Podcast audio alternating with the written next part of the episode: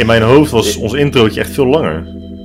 Heb je, hem- heb je hem ingekort? Heb, nee, nee, dit is gewoon... eh, ik heb twee mp3'tjes, kort en lang. Maar misschien Oh. gebruik jij die lang altijd. Ik heb Nee, de lange die altijd, lange is wel die, echt die een is minuut. 4,5 minuut. Ja, maar die gebruik ik Ja. volgens mij altijd. Gewoon de eerste die je me ooit hebt opgestuurd. Nee, nee, dit is gewoon dezelfde. 14 seconden. Nee, is- nee, nee, nee, nee, nee, nee. Ik ga het wel even opzoeken erbij. Even kijken welk bestandje ik altijd gebruik. Want volgens mij gebruik ik echt dan een lange. Want in mijn hoofd is onze intro inderdaad echt veel langer dan de intro. Mm, die ik gebruik. Oh nee, je hebt gelijk 14 seconden. Waarom duurt hij dan zo lang in mijn hoofd dat tijdje? Zo ondraaglijk lang. Eh, ja, omdat jij gewoon eager bent om, eh, eh, om de podcast te gaan luisteren. Nou, goedemorgen Jelmer de Boer, goedemiddag. Het is vandaag drie verschillende dagen. Dat hebben we de laatste paar keren volgens mij niet besproken. Nee, het interesseert, nee, helemaal, het Ja, interesseert nee. echt helemaal niemand.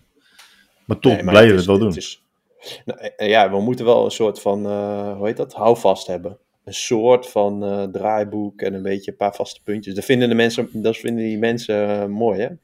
Van, Een soort anker in je leven hebben we. Vooral geluisterd door simpele mensen. Dus ik denk, oh ja, dan gaan ze eerst die dagen doen. Daarna gaan ze het hebben over fitness en crypto. En als we En daar dan dan beginnen ze te afwijken, dan worden ze zenuwachtig. Nou ja, vertel, Maar, eh, vertel de beste mensen welke dagen het vandaag zijn dan. Dat, eh, daar zit Nou, het is vandaag onder andere dag van de Flex-medewerker, maar dat was een gesponsorde dag. Dus eh, ik, ik, ja, ik, ik, ik hink op twee gedachten.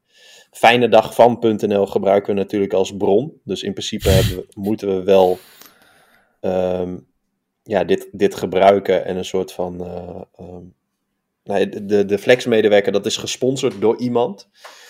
Maar omdat wij die website zo vaak gebruiken, moeten we dat natuurlijk wel zeggen. Omdat, ja, dat, de website is waardevol voor ons. Dus dan gunnen wij ook die, die, die spons, sponsored, eh, hoe heet dat? Engagement.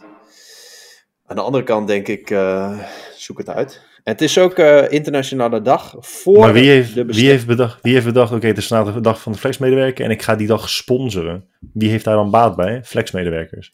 Gewoon de categorie flexmedewerkers. Een, een, een eh, uitzendbureau of zo. Even kijken, lees meer. Oh, en er staat, op de website staat gewoon een reclamestukje over flexmedewerkers. Start. Start uitzendbureau. Start people. Nou, shout-out Start. Mooi gratis reclame. Als je op deze Ja. dag denkt, nou ik ga toch voor mezelf beginnen. En je denkt, oh ik ga dat via een uitzendbureau doen, want ik wil tomatenplukker worden. Dan kan dat dus bij start. Een flexwerker is wel echt een soort van meer, een nog zieliger naam dan ZZP'er, toch? Eén pitter. Flexmedewerker, ja, ik vind het ook niet top hoor. ZZP is- beter. Flexmedewerker is echt een soort slaafje. Je kunt ook gewoon zeggen, ik ben een eenmanszaak. Dat is echt een soort van de BV onder de flexmedewerkers.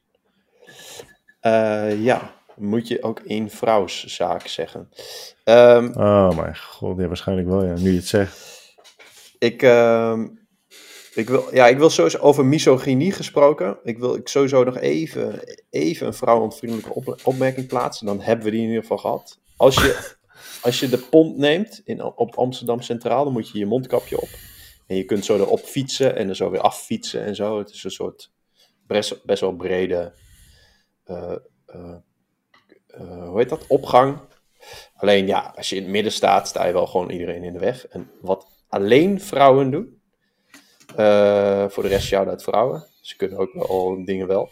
Wat alleen vrouwen doen, is pal, pal voor de ingang hun mondkapje opdoen. Echt gewoon precies in het midden. Ehm, ja, dat wil ik even gezegd hebben. Vandaag is het ook internationale dag voor de bestrijding van woestijnvorming en droogte. Guy? Droogte. No pun intended. Haha. Ehm, Zeg maar een dag. nou, Nu had, je, nu had je gebruik moeten maken van ons soundboard. Oh ja, kut. Nu had je ja, de bedoemd. Ja, is nu te laat. Ja, nu, ja, nu is de, de, de, de jeu er wel af. Ja, helaas. wel mooi. Oh, zijn we, dus we zijn al een soort van die dudes met die podcast die nergens over gaat. En dan zijn we ook al die dudes met die podcast die nergens over gaan met dat soundboard. Met een soundboard uit is echt- 1970. Oh, het is echt heel zielig. Ach ja. Ehm, dat is dus ook wat er vandaag is. En het is Wereld Tapasdag. Ik vind jou wel iemand die, die eh, lekker, lekker van een tapaatje houdt. Ja, wat is je favoriete eten? Tapas. Oh, oké. Ja, ja, ja. je, je weet dat, dat de mensen zijn die dat gewoon zeggen. Hè? Wat is je favoriet eten? Tapas. Ja, Tapas? Ja, ja. Nou, ja, duidelijk. Oké, ja, tapas. Dat is... eh, Gefri- gefrituurd varken.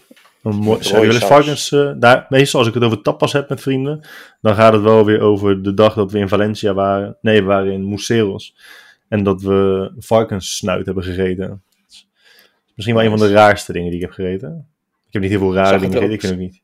Hm? Zag het er ook uit als snuit? Nou, de snuit was gewoon in, in blokken gehakt. Maar je had, wel Ah. nog dus, je had wel nog de stukken, ronde stukken van het neusgat. Eh, en daar zaten dan ook nog een beetje van die haartjes aan.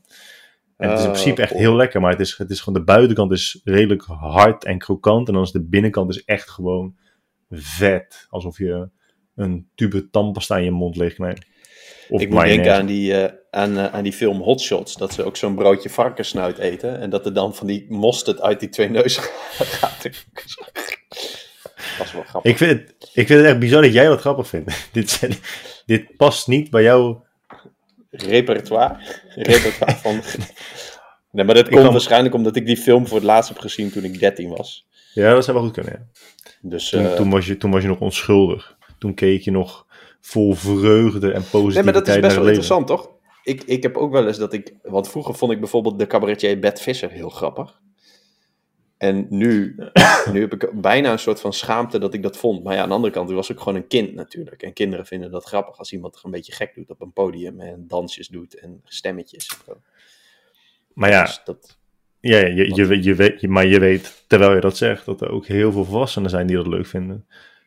Ja, Mensen houden van, heel veel mensen houden inderdaad echt van, ja, in het Engels zeg je dan big humor. Ik weet niet of, of, je, in, of je in het Nederlands dan grote humor kunt zeggen. Ik denk het niet, maar het is wel heel, allemaal heel, mensen willen wel graag theatraal hebben. En dat, dat, Hmm. is, dat is het voordeel van theatrale humor. En dan kun je dus gewoon wel dingen zeggen die niemand tegen het hoofd stoten, die niet beledigend zijn. Maar als je die dingen maar gewoon heel hard schreeuwt, worden ze opeens grappig voor heel veel mensen. ja, als het er gewoon... Als, eh, eh, het niet, niet subtiele humor of zo. Ja, Ja, maar je, kunt het, maar je kunt het ook combineren. Je kunt ook hele beledigende dingen, hele controversiële dingen, ook heel hard schreeuwen. En dan heb je dubbelop. Ik, eh, ja, ik, ik hou daar ook niet zo van, van, dat, van het schreeuwen. Ik denk, doe eens even rustig, joh, mafkees. Ehm, ja. Ehm, waar hadden we het over? Internationale dag voor de bestrijding van woestijnvorming en droogte. Ja, Zouden mensen daar eh, bij, eh, zouden er mensen zijn die, die daar vandaag dan weer bij stilstaan? Bij, eh, ik zag wel gisteren dat er in Ghana 5 miljoen bonen- bomen waren geplant. Omdat, ik het ook gezien, ja. Waar heb ik dat nou gezien? Omdat, omdat ze... Waarschijnlijk op Instagram, daar haal je je nieuws vandaan, toch? Bij Good, The Good News Movement. Bron Instagram.com. Nee, hè, waar heb ik dat nou voorbij zien komen, joh? Weet je wat ik... Oh, laatst- ik weet het. Ik weet het. Ik Wat? weet het. Ik, ik was, ik was naar de bioscoop. En daar had je, een, eh, had je reclame vooraf over dat project van bomen planten in, eh, in, in Afrika. Hoe heette dat ook alweer, dat project? Ja, die, die, die Wall of Trees eh, gebeuren, toch? Maar daar heb ik, daar toch- inderdaad gezien, ja. Ze hebben een soort van om de Sahel, Sahel tegen te gaan. Nou, best wel cool. Ik heb best wel veel video's gekeken over wat het zou betekenen als je, als je de Sahara zou proberen groen te maken. Door bijvoorbeeld met zonne-energie daar water naartoe te pompen, zeg maar. Dat je daar dan een beetje groen krijgt en een beetje bossen en zo. Alleen, als dat, als dat zou gaan gebeuren, dan dondert de hele... eh, ja, gewoon de, de, de, de relatieve stabiliteit van de ecosystemen die er nu zijn op de wereld dondert allemaal in elkaar. Dus het is, het is wel handig dat daar een woestijn is voor al het weer en eh, eh, voor de, voor Ja, maar, maar ik, ik, heb daar echt, ik heb daar dus echt helemaal geen verstand van. Maar als ik, als ik er dan nu twee seconden over nadenk, dan denk ik, oké, een de, de kwaliteit van een ecosysteem wordt bepaald door alles wat er nu leeft, eh, kan blijven leven, kan blijven bestaan, toch? Dat is een beetje hoe ze kijken. En als je dat dus Ja. groen zou maken, dan heel veel eh, diersoorten die dus gewoon afhankelijk zijn ook van de omstandigheden daar, die zouden dan waarschijnlijk uitsterven. Want die kunnen Ja. niets met groen en met vochtigheid. Van die zandetende... van die zandetende mieren die acht seconden boven. Heb je dat wel eens gezien? Het zijn van die mieren in de Sahara die dan echt 13 seconden of zo boven het zand vandaan kunnen komen. Want als ze langer blijven, dan verbranden ze gewoon door de zon. Maar dat is heel gek, want Ja. dieren hebben geen besef van tijd. Maar toch kunnen die eh, mieren eh, die realiseren zich wel dat ze niet te lang boven kunnen blijven. En ze weten vaak tot op de seconde wanneer dat is. Terwijl ze geen hebben van, dat voelen ze. Ja, maar dat, maar ja, ja, inderdaad, je voelt je gewoon eh, langzaam eh, verbranden, toch? Afsterven. Dan, dan, kijk, dan denk je niet, oeh, 12 seconden. Ik ga weer naar Nee, maar, binnen. maar, maar het, is, het is, ik denk, want als je het dan zag, het is echt alsof ze in één keer een, een, als, een, als, als, als een, een steekvlam gewoon verdwenen of in, in rook opgingen. Dus het, is, Ja. het, voelt, het voelt ook niet als een, een lineaire progressie. Maar goed, ik weet verder echt helemaal geen ene klote over de Sahara en eh, alle diersoorten daar. Maar wat ik, dus, wat ik me dan afvraag is, als ze dus een nieuw ecosysteem zouden creëren, dan wel kunstmatig, of het voor het continent, of voor de wereld, of voor de menselijke bevolking, daar zal het wel beter voor zijn, toch? Denk ik, op de lange Ja, termijn. maar dat is, dat is, eh, dat is eh, super interessant natuurlijk. Want ik, ik kan me voorstellen dat als je een knettergrote zandbak hebt, wat de Sahara is, ik ben er wel eens overdag overheen gevlogen. Nou, dat is best groot. Ehm, ja, als je dat allemaal groen maakt, en dan kun je er allemaal dingen verbouwen en dat, dat groeit dan allemaal shit en zo. Dus ja, dat, ik denk dat dat wel waardevoller is dan een zandwoestijn. Wat is de oppervlakte, oppervlakte van de Sahara? Hoe vaak zou Nederland daarin kunnen? Een stuk of honderd keer of zo? Ja, ik denk wel meer eigenlijk. Maar is echt gigantisch, hè? Sahara Ja, het is veel meer. Veel groter dan Surface 100 keer Nederland. Area. 9,2 miljoen. Nederland is 41.000.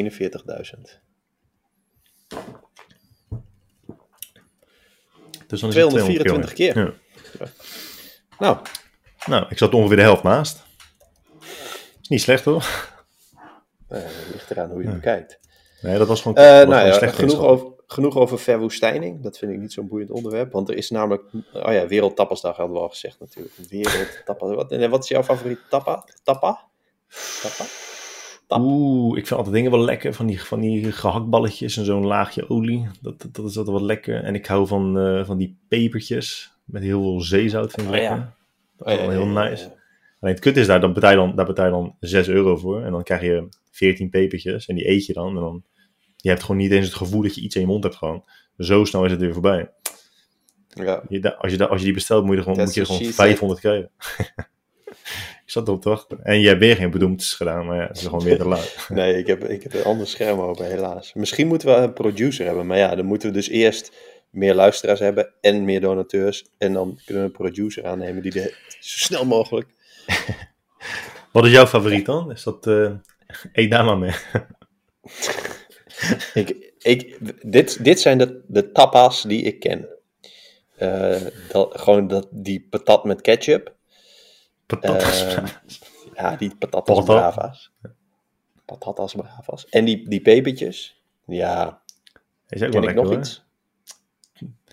Ken gewoon als je, als, je het, als je het gewoon in een klein bakje doet en in een, in een laagje olie overheen gooit met een beetje knoflook, dan noemen ze het toch gelijk wel tapas. Als je bitterballen in een laagje olie gooit, serveert, dan zeggen ze ook, dit is ook tapas. Ja, in zo- in zo'n in zo'n eh, zo'n bruin... eh, Ja, zo'n bruin rond eh, keramiek. Ja. ja, daar moet je, als je naar een boterham met de hagelslag heen gooit, is het ook tapas. Dat is wel zo. Eh, ja, dus ik, ik ga ook voor de pepertjes. Ja, die zijn lekker. Die zijn Ja, lekker. goed, die, groene, die groene dingen. Ja, die groene, ja, lekker, lekker, lekker. Eh, nou, ik zet het wel even in, de- in de show notes. Groene pepertjes recept. Oké, wa- wat gaan we vandaag bespreken? We Ja. hebben, ik heb een paar boeken gelezen, dat moeten we bespreken. We hebben elkaar eh, de afgelopen weken helemaal dood, doodgevoiced over service. En weet je wat, ik, ik zat er nog even over na te denken. Wij zeggen de hele tijd in deze podcast dat, dat mensen met een soort van anekdotisch verhaal of zo, dat dat eigenlijk super irritant is, omdat het een soort egoïsme uitstraalt. Omdat mensen zeggen heel snel van, ja, maar kijk ook naar mij, naar mijn situatie. Dat is super kut. Jullie moeten het allemaal weten. En vervolgens gaan wij een podcast doen over onze, onze verschrikkelijke service eh, ervaringen. Dat, dat, dat, dat rijmt niet echt, had ik het idee. Nee, ja, nee, nee dat, dat, dat klopt. En ik had, eh, ik had het er gisteren, eergisteren ook eh, met eh, mijn vriendin over.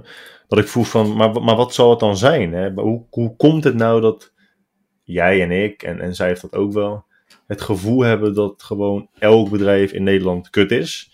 Want als er mensen zijn die dat gevoel dus niet hebben, kan ik me ook goed voorstellen dat ze niet, niet het gevoel, niet de behoefte hebben om die verhalen te vertellen. Maar het is voor ons wel gewoon echt dagelijkse kost. En dan is het niet eens meer een anekdote. Dan is het gewoon onderdeel van je dagelijkse bestaan. En daar wil je het gewoon over hebben. Want het maakt het leven echt wel gewoon zwaarder is, een, is overdreven, maar minder plezierig. Nee, dat, dat, dat, is ook niet het goede woord. Het is, het, is, het is onnodige weerstand. Daar waar je helemaal geen weerstand zou hoeven krijgen, omdat de dingen eigenlijk zo verschrikkelijk simpel zijn. Echt, echt zo simpel. En ik denk, uh, ik denk dat, dat, dat er ook veel mensen zijn die, geen, uh, die dit soort verhalen niet met anderen vertellen, omdat ze er niet op die manier of niet zo lang of, of ja, diep niet per se over nadenken. Of ze kunnen het gewoon makkelijk achter zich laten. Ja, maar dat, dat eh, betekent toch dat, dat wij twee gasten zijn die, die de hele tijd over, over individuele gevallen praten die, ja, dat, dat zijn een soort uitzonderingen. Dus dat is, want we hadden het er gisteren nog over, dat, dat service het, het herkennen van uitzonderingen is en dat oplossen. Ja. Maar, tegelijkertijd vinden we ook als, als er weer iemand roept, uh, ja, uh, mijn uh, oud-tante van 74 had last van de pink na vaccinatie, dus ik ga me echt niet laten vaccineren. Dat vinden we dan weer dom. Ja, nou, ik denk dat het, ik denk dat het dus, ik denk dat wij, ik denk dat wij het niet meer echt hebben over individuele gevallen. Uh, over hele, we hebben het wel over specifieke situaties, maar we hebben het over zoveel specifieke situaties gehad. Dat je gewoon kunt zeggen dat het collectief, dat het geheel aan bedrijven, het geheel aan serviceverlening in Nederland als overkoepelend onderwerp uh, ja, wel groter is dan dat. En ik denk ook, ook omdat we nog steeds dat plan hebben voor het boek, dat we het echt wel proberen te verbeteren. Ja, uh, ja. ik snap wat je bedoelt. Maar ik denk wel dat het het is over de jaren heen meer geworden dan gewoon klagen en, en zeiken erover. En, en luister ook eens naar mij en kijk ook eens naar mij. Het is ook voor heel veel mensen echt heel herkenbaar. Hè? Daar hebben we het ook al vaak over gehad. Maar ja. Uh, het is wel een ja, van de onderwerpen waar mensen... Sommige mensen, dus, sommige mensen dus niet. Maar ja, ik, ja, Nee, maar dan, dan krijg je natuurlijk de vraag, ja, hoeveel, hoeveel en, en, dat, en dat weet ik niet. Ik weet oprecht niet hoeveel de gemiddelde Nederlander besteedt bijvoorbeeld uh, bij uh, bedrijven. Dat ze ongetwijfeld op kunnen zoeken. Maar als jij dus, en daar hebben, we, daar hebben we het ook volgens mij over gehad, maar we hebben het over alles gehad. Als je één keer per jaar uh, op vakantie gaat, of als je één keer per jaar naar de camping gaat, ja, dan is de kans gewoon een stuk kleiner dan als jij vijf, zes keer per jaar in hotels komt. Um, ja, de kans is dan een stuk kleiner dat jij te maken krijgt met slechte service in hotels. Daar waar je juist goede service mag verwachten. Als jij helemaal niets hebt met fine dining, als jij nooit uh, bij sterrenrestaurants wilt komen of kan komen, ja, dan, dan, dan heb je ook een, een kleine referentiekader. Je hebt minder om mee te vergelijken en, en ook dus minder om over te praten als het om dat onderwerp gaat. Hmm. Dus, um, dat gezegd hebben, denk ik dat wij wel twee bronnen zijn die, nou ja, ja ervaren is, is zo'n raar, rare term voor deze context, maar we hebben wel te maken gehad met echt verschrikkelijk veel bedrijven. Ook omdat je, en jij helemaal, als influencer benaderd wordt door heel veel verschillende bedrijven. Dat is ook een unieke situatie. Er zijn echt niet zo heel veel mensen die structureel benaderd worden door bedrijven omdat zij iets van jou willen. Dat, dat gebeurt gewoon bij de meeste mensen nooit. Dus ook daar kun jij dingen over zeggen waar anderen werkelijk niet zo kunnen zeggen. En er komt nog bij, en dat heb jij ook, en, en er zijn natuurlijk vet veel uh, flexwerkers in Nederland, ZZP'ers, eenpitters. Um, je hebt natuurlijk ook als, als bedrijf, je bent ook een bedrijf, dus dan heb je ook nog allemaal extra contacten. Dus je bent en particulier, en uh, bedrijf. En dan ben ik ook nog eens influencer geweest. Nou, nee, maar dat, maar dat is ook een heel goed punt. Want je bent inderdaad wel een, uh, een, een, dienstverlener. Of je levert producten, digitaal, fysiek. Dus je kijkt ook anders naar de wereld. Als het gaat om ja, ja, mensen benaderen en behandelen. Ja, ja, precies. Dus je hebt en meer contact. En je. En je ik vind het zo mooi dat. dat uh, um, heel veel buitenlandse mensen zijn verbaasd over dat Nederlanders geen helm dragen op de fiets. En de uitleg daarvoor is dat iedere automobilist ook een fietser is. En dat is een fantastische uitleg. Omdat ja, die automobilist, die, die ziet gewoon iemand op de fiets die denkt, ja, ik, ik ben ook wel eens een fietser, dus ik hou rekening met die, met die persoon. En daarom gaat het best wel vaak goed in Nederland. Kijk, Behalve in Amsterdam. vooral in Amsterdam. En, uh, maar dat, dat is denk ik een beetje hetzelfde dan. Dat je inderdaad zelf dienstverlener bent. Ik, uh, sterker nog, ik, als ik mijn eigen boeken verkoop, dan heb ik dus... Ik heb vet veel transacties. Uh, ja, dat klinkt een beetje stoer, maar ik heb heel veel individuele transacties voor een klein bedrag. Maar het is wel een transactie. Dus dan ja, ben ik dus ook een dienstverlener. En als dan ik klant ben, dan ja, waarschijnlijk ben ik dan extra kritisch of zo. Of ik, ja, of ik ben dus die automobilist die ook die fietser is. Nou, dat, dat denk ik wel. En ik denk niet, en dat, ja, dat is ook al zo vaak bedoeld. A, denk ik niet dat wij veel eisend zijn. En B, denk ik ook niet dat wij verwachten dat anderen ons behandelen zoals wij mensen zouden behandelen in die situaties. Maar je verwacht gewoon wel minimaal fatsoen, bazaal fatsoen. Nu kan ik het natuurlijk gewoon mooi hebben over, over dat, dat, dat ongevalletje op het terras laatst. Ja, dat, dat is gewoon. Het is niet alleen ongebruikelijk, het komt nog best wel vaak voor, maar het is gewoon zo raar en onnodig en te zwaar op het terras. En uh, we hebben een broodje afgehaald en dat, dat is een zaak dat echt bekend staat om de, om de nou ja, redelijk prijzige producten. Ze hebben, ze hebben een of andere een of ander keurmerk dat je dan krijgt, echt van fucking koninklijke huis of zo. Ze behoren tot een van de echt wel 400 bedrijven in Nederland die dat dan heeft, maar dat zijn een of andere bijzondere keurmerken zijn. Dus uh, ze hebben uh, service hoog in het vaandel staan. En nou ja, twee broodjes gehaald. Wij lopen naar buiten en het was echt fucking 62 graden buiten. Dus we dachten, nou anders gaan we gewoon hier op het terras zitten en eten we dat broodje op. Van de zaak waar we het broodje hebben gehaald. En ze hebben uh, volgens mij plek voor 14 of 15 mensen of zo. En er zaten twee mensen en er was verder ook gewoon helemaal niemand. Want het was gewoon verlaten midden in de stad. Dus wij zaten echt, denk ik, 30 seconden. En er komt iemand naar buiten. En die, nou ik weet niet meer letterlijk wat ze zei. Maar je werd uh, nog net niet wegges, weggetrapt van het terras. Omdat ze aangaf dat. En ze zei gewoon: Zouden jullie alsjeblieft de to-go broodjes niet hier op het terras kunnen eten? Want op het terras gelden andere prijzen. Dus toen dacht ik, ja, dit is, ja, dit is zo'n moment dat je, dat je tegen iemand wil zeggen, joh, kijk nou eens om je heen, joh, vuile snol. Er is helemaal niemand. Er is gewoon, het is hier leeg. Zeg, hè, het is niet heel ver gezocht om toch gewoon te zeggen, joh, uh, geniet lekker van je broodje. Uh, zeker met het mooie weer, ik hoop dat het smaakt. Let er alleen even op voor de volgende keer dat uh, de regels veranderd zijn en dat we voortaan geen to-go producten meer op het terras laten laten eten of laten nuttigen. Kies je favoriete eh, synoniem. Maar ja, dat, dat, dat, dat wordt gewoon niet gedaan. Dus wat doe ik? Want dat vond ik gewoon heel irritant. Want ik kom daar ook al tien jaar. Je geeft in ieder geval, nou is goed, uh, begrijpelijk, helemaal geen probleem. Nee, dan loop je weg en dan lach je, lach je daar natuurlijk om. En dan achteraf denk je over na, denk je, net, het, slaat, het slaat nergens op. Dus ik heb een mailtje gestuurd naar dat bedrijf. Met de uitleg van, joh, je, dit, dit is gewoon geen service. Niet voor de snackbar, maar ook helemaal niet voor een zaak als die jullie hebben. En dan krijg je een mail terug, echt een hele lange mail, met geen enkele uitspraak waaruit blijkt dat die persoon vindt dat zijn, dat zijn werknemer uh, inderdaad een beetje uh, lomp uit de hoek kwam. Of gewoon een fout heeft gemaakt. Het is gewoon een hele lange uitleg met waarom die werknemer dat moest zeggen. Dus toen heb ik ook weer gereageerd met het gaat mij er helemaal niet om dat uh, uh, de waarom wordt uitgelegd. Want de waarom, het, de waarom vraag, die, die, die, het antwoord daarop begrijpen wij. Hè. We zijn echt de moeilijkste niet. En ik vind ook gewoon dat de meeste mensen deugen en begrip krijg je best wel snel als de manier waarop je de boodschap overbrengt enigszins fatsoenlijk is. En ja, toen heb ik dus gezegd, ik heb gewoon echt letterlijk een script uitgetypt voor, want dit zou ze toch ook best wel gewoon gezegd kunnen hebben en dan is er toch gewoon niets aan de hand. En toen uiteindelijk, wat zei je?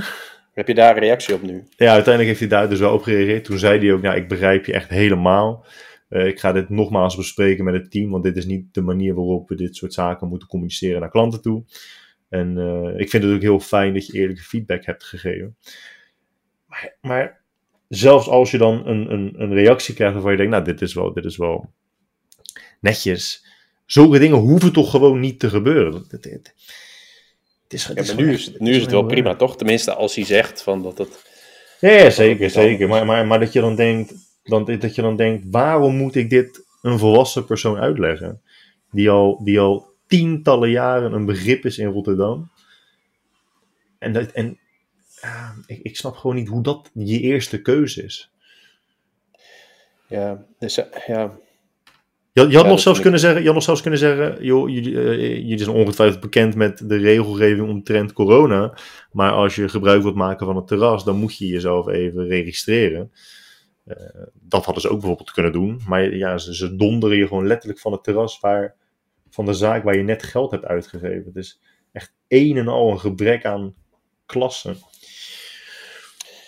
Uh, ja, maar, ja, oké, maar dit, dit, dit vind ik dus heel erg lastig. Omdat de meeste mensen zullen dan zeggen: van, ja, maar regels zijn regels, guy. Loop niet op de zeiken. Uh, had je toch ook wel kunnen weten. Ja, en dan kom je, en dan kom je, dus, uh, dan kom je dus uit op het, het hele Hollandse regels zijn regels. Op de hele Hollandse regels zijn regels filosofie. En ja, die is mij ook niet onbekend. Ik woon hier ook al lang genoeg om te weten dat we een, een mooi, chaotisch, overgereguleerd soortje zijn. Um, maar het is gewoon grappig dat je dus in Nederland kunt zeggen, en dat zei jij dus laatst heel mooi gisteren, daar gaan we het zo over hebben, dat je pleit voor service. Je zegt dus dat je heel servicegericht bent, maar vervolgens altijd de regels blijft handhaven zoals de regels zijn opgesteld. Terwijl ja, service bieden, jij mag, ja. jij, jij mag dat zeggen. Jij mag zeggen wat je gisteren zei. ik zei het net al. Je zei het net al, ja dat, dat lijkt, zeg maar, dat, dat lijkt in Nederland het beste te zijn. Dat, dat mensen vinden van, oké, wij zijn goed in service. Dat komt omdat wij een knettergroot handboek hebben. Met uh, knetterveel scripts of regels of weet ik veel wat. Terwijl, ja, service is uitzonderingen herkennen en daarna handelen. Dat ja, en dat, en dat is, is, het eh, ook, ja. En, en, maar het mooie is dus dat, dat heel veel bedrijven zijn ervan overtuigd dat ze goede service leveren, omdat er nooit iets verkeerd gaat. Maar dat, dat, dat, daar is geen ruimte om die extra stap te zetten om service te moeten verlenen. En ik snap het ook, want ook, kijk, ik ben ook wel van mening, en ik denk dat veel mensen dat ook wel hebben, dat regels in sommige gevallen, nee, nee regels zijn wel contextgebonden. En ik kan ook wel voorstellen dat als, je, als het terras vol is, of half vol, of bijna vol, dat je, dat je dan de regels handhaaft. Maar er is gewoon niemand. Dus je kunt toch heel makkelijk de situatie inschatten. En denken, er is letterlijk geen hond. Er staat niemand in de rij. Er is niemand in de zaak.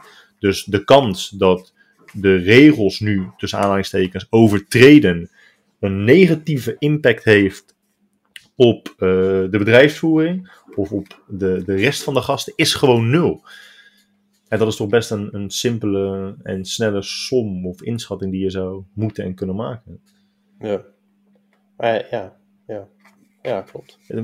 Het, het, is vergelijkbaar met dat je dan. Uh, ja, nou ja, het maakt, het maakt ook niet uit. Ik, vind het, ik vind het gewoon mooi. En het is ook een opstapeling van heel veel dingen. Want afgelopen week, en dat heb je gewoon mee, ook zelf meegemaakt en ook gehoord. En jij hebt ook jouw, uh, jouw uh, leuke deel mogen meemaken. Maar het is gewoon echt alsof elk bedrijf gewoon helemaal kut is. Ik weet niet of het door de hitte komt.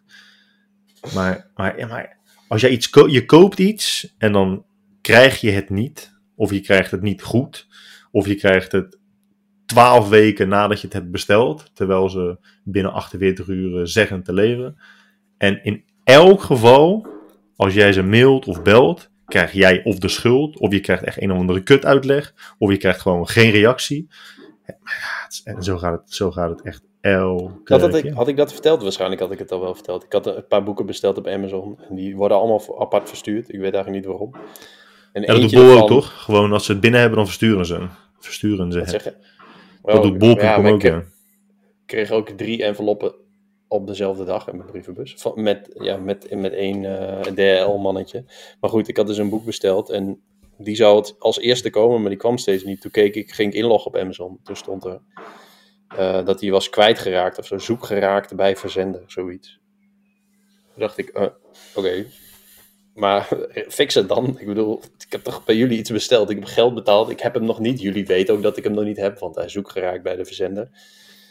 Toen keek ik bij dat DHL, toen stond er, nou, hij is dus niet bezorgd, want hij is zoek geraakt en de, je hebt zeg maar die bolletjes, toch? Die stapjes van de verzonden, onderweg en bezorgd. Nou, er was opeens nog een bolletje aan de onderkant bij. En dat was, dat was mijn situatie. Dus een soort van uitzondering. Toen ging ik chatten met Amazon. Toen zei ik van... ehm, ja, volgens mij krijg ik mijn boek niet, want hij is bij DHL kwijtgeraakt of zo.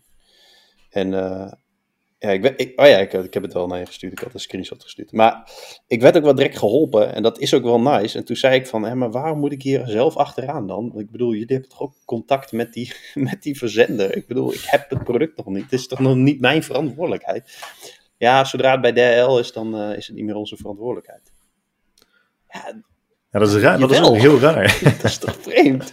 Ik heb toch geen afspraak met DHL? We hebben toch niet met z'n drieën een overeenkomst gesloten? Ik heb toch een soort van boek gekocht bij Amazon. Nou ja, Maar hoe zit dat juridisch? Ja, ik heb echt geen idee. Maar ja, het, het is ook wel gewoon prima. En je krijgt ook wel, dat vind ik trouwens ook wel grappig. Dat als je een boek afrekent, dan moet je direct betalen. Dat is logisch. Alleen als je geld terugkrijgt, dan duurt het 7 tot 10 werkdagen. ik denk, hè, maar ik heb het boek niet. En je weet wat er is gebeurd. Hoezo kan dat dan, dat dan weer niet direct? Hoe, ja, hoezo is dat terug, terugboeken niet direct? Maar goed, Ja, dat kan. Dat kan. maar dat, dat is dus ook heel vaak zo. En, en ehm, nou ja, ik, ik vond het gewoon bijzonder. Ik denk dan, ik- ja, de, de, de processen zijn vet goed. Dus je kunt chatten met iemand en eh, die kan het voor je oplossen. Alleen dan nog wel eventjes zoiets van, ja, maar als het bij de HL is, dan is het ons probleem niet. Ja, oké. Nou, ja, jawel, volgens mij wel. Maar ja, ja, het zal wel. Dus ja, ik weet niet. Maar is, niet is, wat- is bureaucratie is niet, is, is wel echt, dat is gewoon een, een wereldwijd fenomeen, toch? Dat is gewoon, elk groot bedrijf heeft daar last van. Er is toch geen, althans ik kan me niet voorstellen dat er ook bedrijven zijn, grote bedrijven zijn, met een significante hoeveelheid werknemers, die geen last heeft van extreme en onnodige vertragingen door de 500 lagen waar elk geval doorheen moet. Zoals bijvoorbeeld een terugbetaling. Dan, dan stuur je, dat, dat, gaat, dat komt dan terecht bij een klantenservice medewerker. Dat gaat dan door naar eh, eh, teammanagement, teammanager of, of, weet ik veel, manager klantenservice. Die gaat het dan weer doorsturen naar medewerker financiële afdeling. Die gaat het weer doorsturen naar hoofd financiële afdeling. Die moet het dan waarschijnlijk eh, bespreken met de CFO. Of Jelmer de Boer wel echt zijn geld terug mag krijgen. En dan zeggen ze, ja sorry, maar ja, het is, we zijn eh, vier weken verder. Maar ja, ik heb het eh, met mijn collega moeten bespreken. Ja. Maar dat, dat gebeurt wel overal, toch? Dat is in Amerika ook wel echt een heel groot probleem. Ja, ik, zal er niet gewoon een soort van wetmatigheid voor zijn voor hoe groter een bedrijf wordt, hoe meer eh, bureaucratie? Dat is de, dat, dat, volgens mij kunnen we dat wel observeren, maar dat zal ook wel een soort reden Maar het is, het is raar dat het, dat, het, dat het zoveel vertraging oplevert. Ondanks dat er veel lagen zijn, zijn alle lijntjes met al die lagen wel gewoon direct. En het, het wordt wel opgevuld door mensen. En als, en als het opgevuld wordt door mensen die A, geen verantwoordelijkheid kunnen en willen nemen. En B, ook nog eens daardoor verantwoordelijkheid constant van zich afschuiven. Ja, het is, het is gewoon raar. Het is, het is in ieder geval. Het, ja, maar dit is toch een. Het is, ja, gaan we weer, vallen we weer in herhaling. Maar het is weer de afweging tussen wat voor de gemiddelde klant het beste werkt. Dat is zeg maar helemaal zijn klantenservice optuigen en dat al met al verschillende lagen en protocollen en zo. Maar voor het individu werkt dat helemaal niet goed. Maar heb jij dan het Dan idee dat als jij een probleem hebt met een bedrijf, dat dat, dat, dan een, een uniek probleem is? Een, een product eh, dat niet aankomt of eh, dat verkeerd wordt geleverd? Nee, alleen, alleen hoe bedrijven zijn ingericht toch, is het, dan, dan heb je een soort klantenservice, dat is een soort first defense, en, maar je hebt dan ook altijd te maken met logistiek en met, met voorraad en met finance, en die moeten allemaal met elkaar praten, terwijl als mensen bijvoorbeeld mijn boek eh, niet krijgen, ja, ik ben dat allemaal, dus dan kan ik dat direct fixen of zo. Heeft Seth Godin daar niet een onderzoek een keer over geplaatst, echt jaren geleden? Dat ze een onderzoek hadden gedaan bij een bedrijf waarbij ze de klantenservice medewerkers gewoon volledig eh, de vrijheid gaven problemen op te lossen zoals zij dat het beste ehm, leken te vinden. Dus je kunt dan beroep doen op de kwaliteiten en de creativiteit en het oplossingsvermogen van mensen die daar werken, in plaats van dat ze dus afhankelijk zijn van een boekje. En dan dat dat soort bedrijven het echt honderd keer beter doen. Dat er veel minder problemen zijn, dat problemen veel minder lang blijven hangen. Ja, ik weet wel dat Tim Ferriss dat een keer in een blogpost heeft gezegd. Dat hij uh, dat bij zijn eerste bedrijf, dat, uh, die, die, die supplementen en zo, dat hij gewoon zei: oh, ja. tot uh, 1000 euro, 1000 dollar of 500 dollar, re regel het gewoon lekker zelf. Misschien, is, misschien, misschien, heb ik, misschien heb ik het daarover. Dus, misschien denk ik daar. Ja, ja maar dat, dat, dat maakt het dus weer lastig, want dan zoek je een soort van dan moet je eigenlijk wat, ik denk, wat duurder betaalde medewerkers in dienst hebben, die eigenlijk overal een beetje verstand van hebben en de verantwoordelijkheid hebben en krijgen en nemen. Dus ja, dat, dat, dat werkt dan weer niet. Want uh, ja, bedrijven willen gewoon hun kosten laag houden.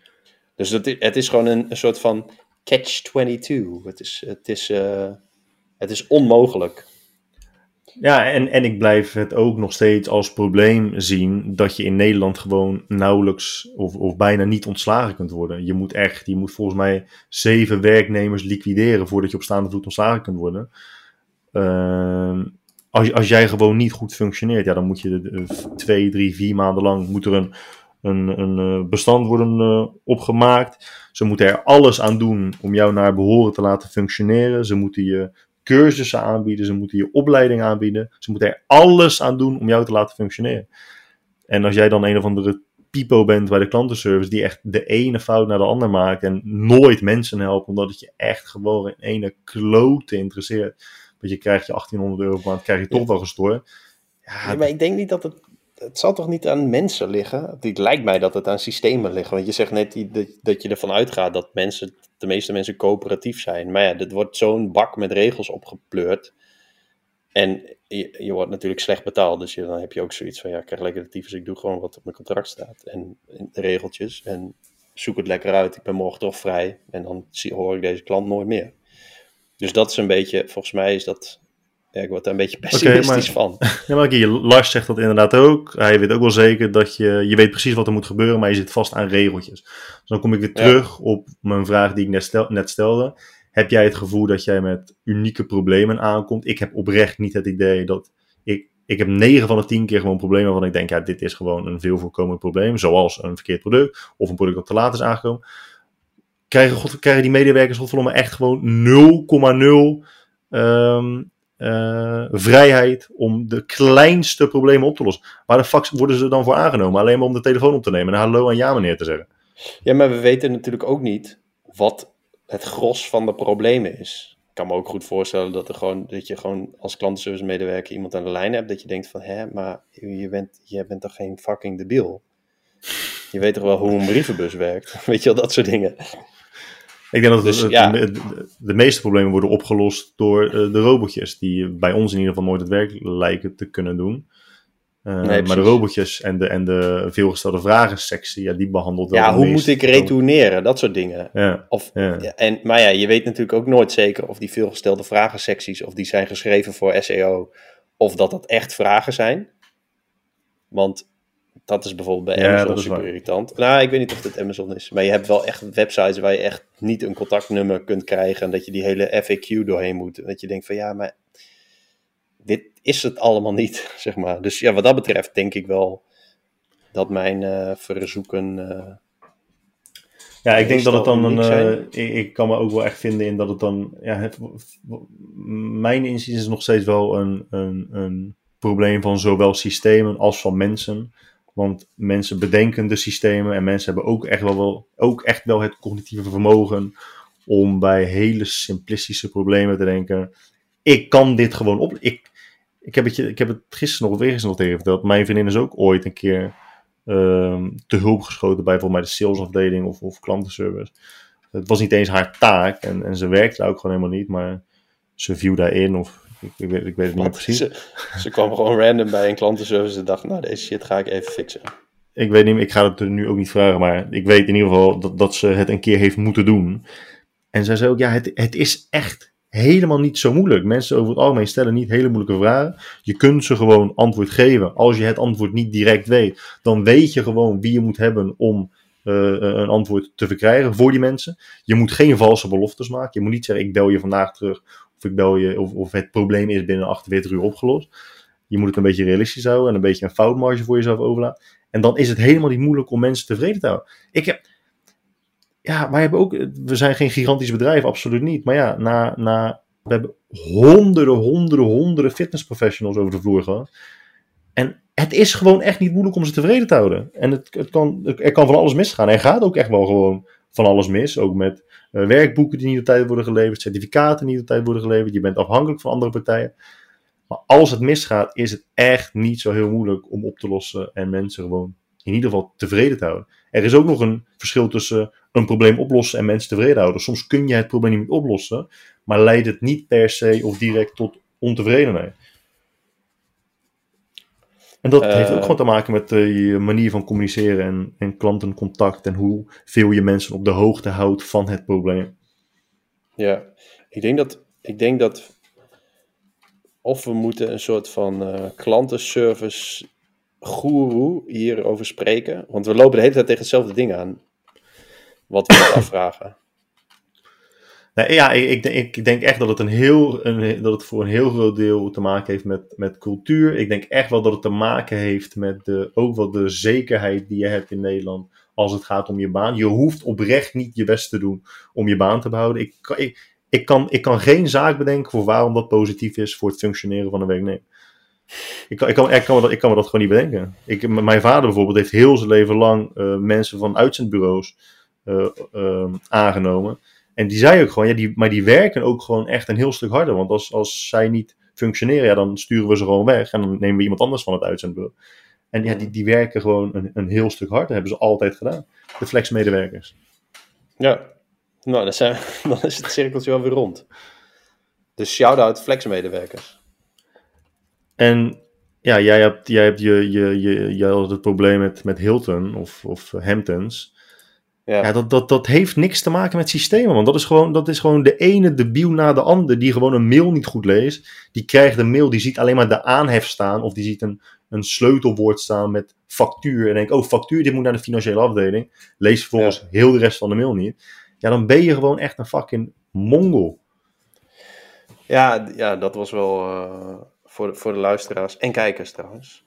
Ehm, als je in een hotel verblijft in de stad waar je woont, dan hoef je geen toeristenbelasting te betalen. En eh, dat is eh, in Nederland volgens mij 7% plus 3 euro. Dus het is niet zo heel veel, tenzij je een superduur hotel hebt natuurlijk. Maar in ieder geval, als je eh, bij het inchecken gewoon aangeeft, yo, ik woon hier, dus ik wil dat niet betalen. Als het goed is, hoef je dat dan niet te betalen. En bij mij was het dus twee keer in een jaar voorgekomen dat ik het had aangegeven. En dat ik gewoon afreken en dat ik dan de factuur kijk en dat het dan wel opstaat. Ja, dat vond ik, dat vond ik irritant. Dat ik, dat het, ja, het is gewoon echt een paar euro, maar ik, ik had wel zoiets van, ja, hè, maar ik heb het toch gezegd. En twee keer zei die medewerker eigenlijk hetzelfde, want was ook, misschien hebben ze dat wel in een training gehad. Dat het, dat het, oh, dat scheelt toch lekker, hè, zoiets. Of dan natuurlijk, dan halen we het eraf. Dus, eh, ehm, ja, waardoor ik, en, en dan eh, stuur ik een Twitterbericht naar Hampton met, yo, ik woon in de stad waar ik verbleef en ik heb wel betaald waarvoor ik dat niet had gehoeven. Oké, we gaan het voor je regelen en dan krijg ik een mail met mijn factuur van het hotel. Dat is het enige wat ik kreeg. Echt. Hier is je factuur. Terwijl de grap is, de factuur krijg ze kunnen zien dat ik die factuur in mijn mail heb gekregen, want dat heb ik ook aangegeven bij het inchecken. Je kunt dat, ze vragen altijd, wil je hem in je mail, wil je hem hier of wil je allebei? En je krijgt hem in je Hilton-account. Ehm, maar nu krijg ik hem dus nog een keer. Ehm, twee keer zelfs. Eén keer in een mail met, die- met dat bericht van, oh, hier is je factuur en eh, kun je even aangeven wanneer je nog meer bij ons hebt verbleven. Maar dat was een ander hotel en dat had ik ook gezegd en daar had ik ook mijn boekingsnummer voor gegeven. Nou goed, het was dus één shitshow. Maar wat ik dus tegen jou zei, Guy, is dat, dat je dan, dat je dan denk je echt van, oké shit, ik wil, ik wil ctrl zetten de hele tijd, na drie dagen terug, en dit helemaal opnieuw aanpakken. Want ja, nu zijn er dus twee partijen die totaal iets verkeerds denken. Dat, dat specifieke Hilton Hotel heeft instructies gekregen van Hilton, een soort hoofdkantoor. Dus die is ook al niet op de hoogte. Dus dan moet ik weer tegen die mensen gaan zeggen van nee, zo zit de situatie niet in elkaar. Dus dan ben je opeens met twee mensen aan het communiceren. Dan heb je echt zoiets van, kut, dit had anders gemoeten. En je wil je ook dus- niet soort van laat maar. Want dan, dat, dat zijn namelijk twee dingen. Dat je denkt, ja, ik heb nu al in geïnvesteerd. En bovendien krijg je dan ja, je gaat ook niet tegen die mensen zeggen van, oh ja, laat dan maar zitten, het probleem was toch niet echt goed of zo. Ja, wat een nee, maar je hebt dus, je hebt, jij hebt dus drie keer aangegeven en inmiddels met drie verschillende personen te maken gekregen. Je hebt drie keer aangegeven, joh, ik heb uh, toeristenbelasting betaald, dat had ik niet hoeven doen, want ik woon in Amsterdam. Kan ik dat nog terugkrijgen? En twee mensen hebben gezegd, dat is geen probleem. Ze hebben het allebei niet gedaan, ze hebben het allebei doorgestuurd.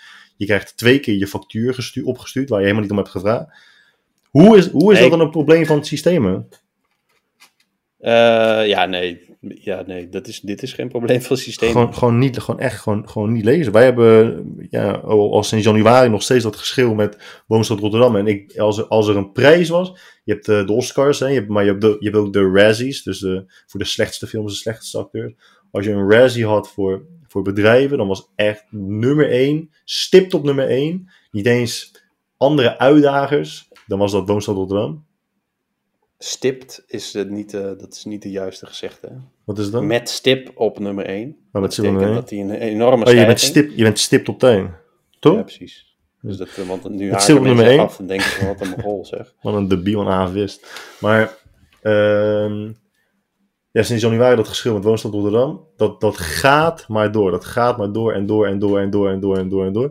Ze hebben mij al een aantal keren gebeld. Joh, we hebben je klacht in behandeling genomen. Dat is ook het meest debiele telefoontje. Hè? We hebben je klacht in behandeling genomen. Ja, nou, top. Wanneer kan ik dan iets uh, terugverwachten? Ja, dat weten we niet. We hebben het erg druk. Oké, dus je hebt nu 13 seconden tijd vrijgemaakt. Alleen maar om te zeggen dat je mijn mail hebt gelezen. Nou, fijn. Dat hebben ze al een paar keer gedaan. Niks gehoord. Vorige week hadden ze contact opgenomen met mijn vriendin. Die gozer met zijn gladde praatjes heeft dus gezegd: Joh, ik ben de laatste persoon die hierover gaat spreken. Ik ga ervoor zorgen dat het deze week wordt opgelost. Dat is al anderhalf week geleden, twee weken geleden bijna. En je hoort die gozer ook gewoon niet meer. En dan bellen wij, bellen wij naar Woonstad. En dan zeggen we, joh, we moeten deze vent spreken, want hij zou ons bellen. Ja, ik zie inderdaad in het systeem een opmerking staan dat hij jullie moet bellen. Ja, het is top dat je die opmerking ziet staan. Dat is al, hij had al twee weken geleden moeten bellen. En hij belt ons gewoon niet. Dus zou je alsjeblieft door kunnen geven dat hij ons nu gelijk belt of vandaag belt. Ja, ik ga dan wel nog een opmerking in het systeem zetten. Luister, je ziet letterlijk al zijn gegevens in het systeem staan. Je kunt hem gewoon bellen intern en zeggen: joh, ik heb weer meneer Droog aan de lijn. Want je zou hem al 17.000 keer gebeld moeten hebben. Bel hem even. Maar iedereen is zo verschrikkelijk druk natuurlijk. Zo, zo, constant zo druk. Ja, ik weet ook niet zo goed hoe, hoe dat heel stoer is of zo. We, we, we, onze klantenservice is heel druk. Ja, okay. wat, is dat, wat is dat dan voor communicatie dan? Neem dan meer mensen aan. Dan heb je gewoon een kutbedrijf met allemaal kutproblemen en dan te weinig mensen. Ja, ik, en, daar, ben ik, daar ben ik het ook mee eens. En klantenservice medewerkers kunnen alleen zeggen het systeem werkt. Dat is nu wat jij weer zegt. Van ja, ik zie een notitie in het systeem. Ja, hè, dat, ja omdat jullie alles noteren. En, en, en omdat jullie alle telefoontjes opnemen voor uh, trainings en, en weet ik veel wat voor doeleinden. Je kunt niet eens een bedrijf bellen zonder dat je dat wil. Wat nou als je dat niet wil? Wat zei je? Wat, dat je gewoon, dat je nou gewoon geen bedrijf wil bellen? Nee, nee, nee ja, ja, altijd hoor je toch, dit, dit gesprek kan worden opgenomen. Als ik met tandarts bel, hoor ik dat zelf. Dan denk ik, ik, had, laatst een, uh, ik had laatst een bedrijf uh, waarbij, je, uh, waarbij ze aangaven van als je wil dat het gesprek niet wordt opgenomen, toets dan één. Oh, heeft ja, waarschijnlijk te maken met AVG, maar... Ja. Nee, ja, ja ik, ik geloof echt wel, ook zoals Leonardo, Leonardo zegt, dat het, um, of Lars zei dat, dat het echt wat te maken heeft met regels en rechten, et cetera. Maar ik vind dat wel een klein beetje uh, een, laf argument of, of lui. Uh, ook Leonardo zegt dan ja, het is moeilijk om procedures te veranderen omdat het zo nou eenmaal gaat. Ja, dat vind ik ook gewoon, is gewoon, dat is gewoon lui. Je ziet toch dat door de manier waarop het nu gedaan wordt, het heel vaak niet goed gaat. Je snapt toch dat dat gewoon de hoogste prioriteit moet krijgen. Maar wat jij ook heel terecht zei, is dat in, in heel veel gevallen, niet alleen in Nederland, is het eerste doel, het voornaamste doel van een bedrijf, zo snel mogelijk marktaandeel veroveren. En het gaat ze helemaal niet om uh, klanttevredenheid, het gaat ze helemaal niet om winst maken. Het gaat er gewoon om dat zoveel mogelijk oogjes op het bedrijf gericht zijn. En um, ja, interactie hebben met zoveel mogelijk verschillende mensen.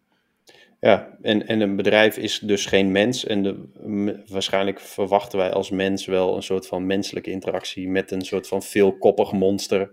Dat, en dat kan gewoon niet. En dus dan kom je dus altijd van een koude kermis thuis. Dus misschien, misschien, ja, misschien is dit wel de, gewoon een soort van. Een bedrijf is gewoon een soort cyborg. Of, of weet ik veel. Je denkt dat je met een mens te maken hebt. Dat heb je ook. Alleen dat mens is onderdeel van het bedrijf. En dat, dat gaat nooit een menselijke interactie worden. Het kan gewoon niet. Het is, het is gewoon een, een Nee, stukje, maar- een stukje mens. Een bedrijf Maar- is opgedeeld in stukjes mensen. Het is gewoon een monster van Frankenstein. Dat is het. Ja, ik, ik weet het niet. Want je, je spreekt toch letterlijk gewoon... Het is wel zo. oh, oké, oké. nee. Ehm, ja, iemand, Alex zegt ook, eh, en Lennart, we zien inderdaad nu je naam wel. Alex zegt dat ervaring en capaciteit ook een belangrijk onderdeel zijn. Ja, tuurlijk, dat is, dat is 100% waar. Maar dan zorg jij toch gewoon voor dat je gewoon mensen aanneemt die meer kunnen dan een fucking lichtknop bedienen. Is dat, is dat een beetje de standaard? Je komt binnen, hoi, ik ben Wilma, ik kom eh, solliciteren bij de kansen. Oké, Wilma, kun je dat lichtknopje aanzetten? Nou, als dat dan lukt, dan word je aangenomen.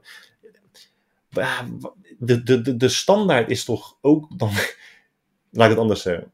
Als jij als klantenservice manager of. Hoe noem je dat? Hoe noem je de, de hoofd van de, van de afdeling van klantenservice? Hoofd van de klantenservice. Ja, ik denk het.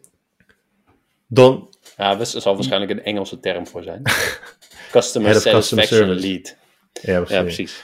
Maar jouw capaciteit of jouw, een van jouw vaardigheden moet dan toch ook kunnen zijn dat jij, jouw team, het team dat jij aanstuurt, gewoon mensen te woord kan staan. Dat ze, dat ze hele basale sociale vaardigheden hebben. Anders neem je ze toch gewoon niet aan. Mijn hemel. Hebben wij, eh, Lennart vraagt, hebben wij alleen maar slechte ervaringen met klantenservice? Nou, toevallig had ik vorige week had ik schimmel in mijn badkamer en moest er een afzuiginstallatie gerepareerd worden. En kan ik gewoon online bij, in mijn huurdersportaal dat aangeven met wel allemaal drop-down menus. Dus het moet wel een soort van onderdeel zijn van een ding, badkamer. En dan moet je iets kiezen wat in de badkamer stuk is. Dan moet je het heel uitgebreid doen. Maar goed, het is wel binnen één dag eh, naar een eh, soort van uitvoerder doorgezet. Die mij de volgende dag belde en fucking vriendelijk was. En eh, heel behulpzaam. En die komt volgende week. Dus als hij het volgende week fixt, is het helemaal top gegaan. Alleen, ja, was geen uitzondering. Het was niet zo dat ik opeens een neushoorn onder mijn pakket had of zo. Want ik ben wel echt benieuwd wat er dan gebeurt. Sorry, ik heb last van neushoorns. hey, dat, eh, dat staat niet in ons drop-down menu. Dus ik maak even Dat een notitie. En dan, en dan krijgt u binnen acht werkdagen... eh, Ja, ik zit, ik, zit ook, ik zit ook na te denken over. Ik heb, ik heb niet alleen maar slechte ervaringen met klantenservice, zeker niet hoor. Maar de, de, Nee, de slechte podcast. ervaringen. Nee, de podcast daarvoor. Ik bedoel, je hebt toch, je hebt toch bij dat hotel, wat wel Ja, maar dat een ging over het luxueus, hot- luxueus hotel was. Nee, ja, maar ja, er zijn... En, maar dat is het dus ook, waarom we het er zo fucking vaak over hebben. Omdat we het wel ervaren op andere plekken. Ik heb het Ja, dus... ja, ja. Hil- Hilton was een kutvoorbeeld, maar iedere keer als ik in zo'n hotel ben, denk ik... What the fuck, jullie zijn zo tundig goed opgeleid en jullie...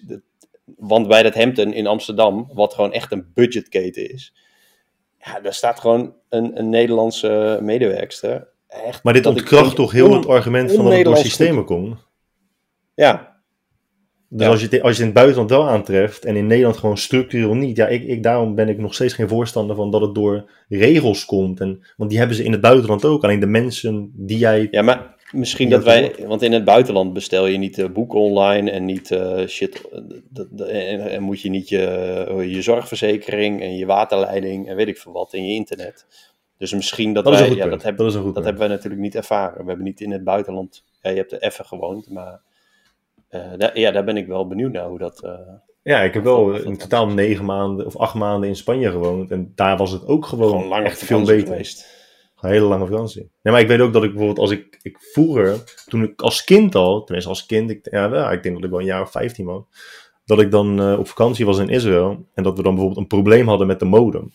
En dan was het 11 uur s'avonds. En dan zei mijn oom, wacht maar even, ik bouw wel even de klantenservice. Dat ik dacht, het, is, het is 11 uur s'avonds. Ja, die zijn gewoon 24 uur per dag bereikbaar.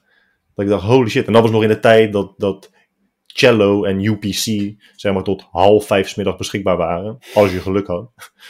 Kon je alleen Nederlandse websites, toch? Daar had je toch ook eentje? Welke was dat Was- ook alweer? Nee, maakt het niet uit. Ik moest even lachen om Jorian. Gevaarlijk goed gesonjeerd. Jorian, ik zie eruit als een opgegraven Neandertaler. Maar ik stel het wel erg op prijs. Je hebt, je hebt gewoon expres je, je webcam op 360p, zodat je, je baard heel smooth lijkt.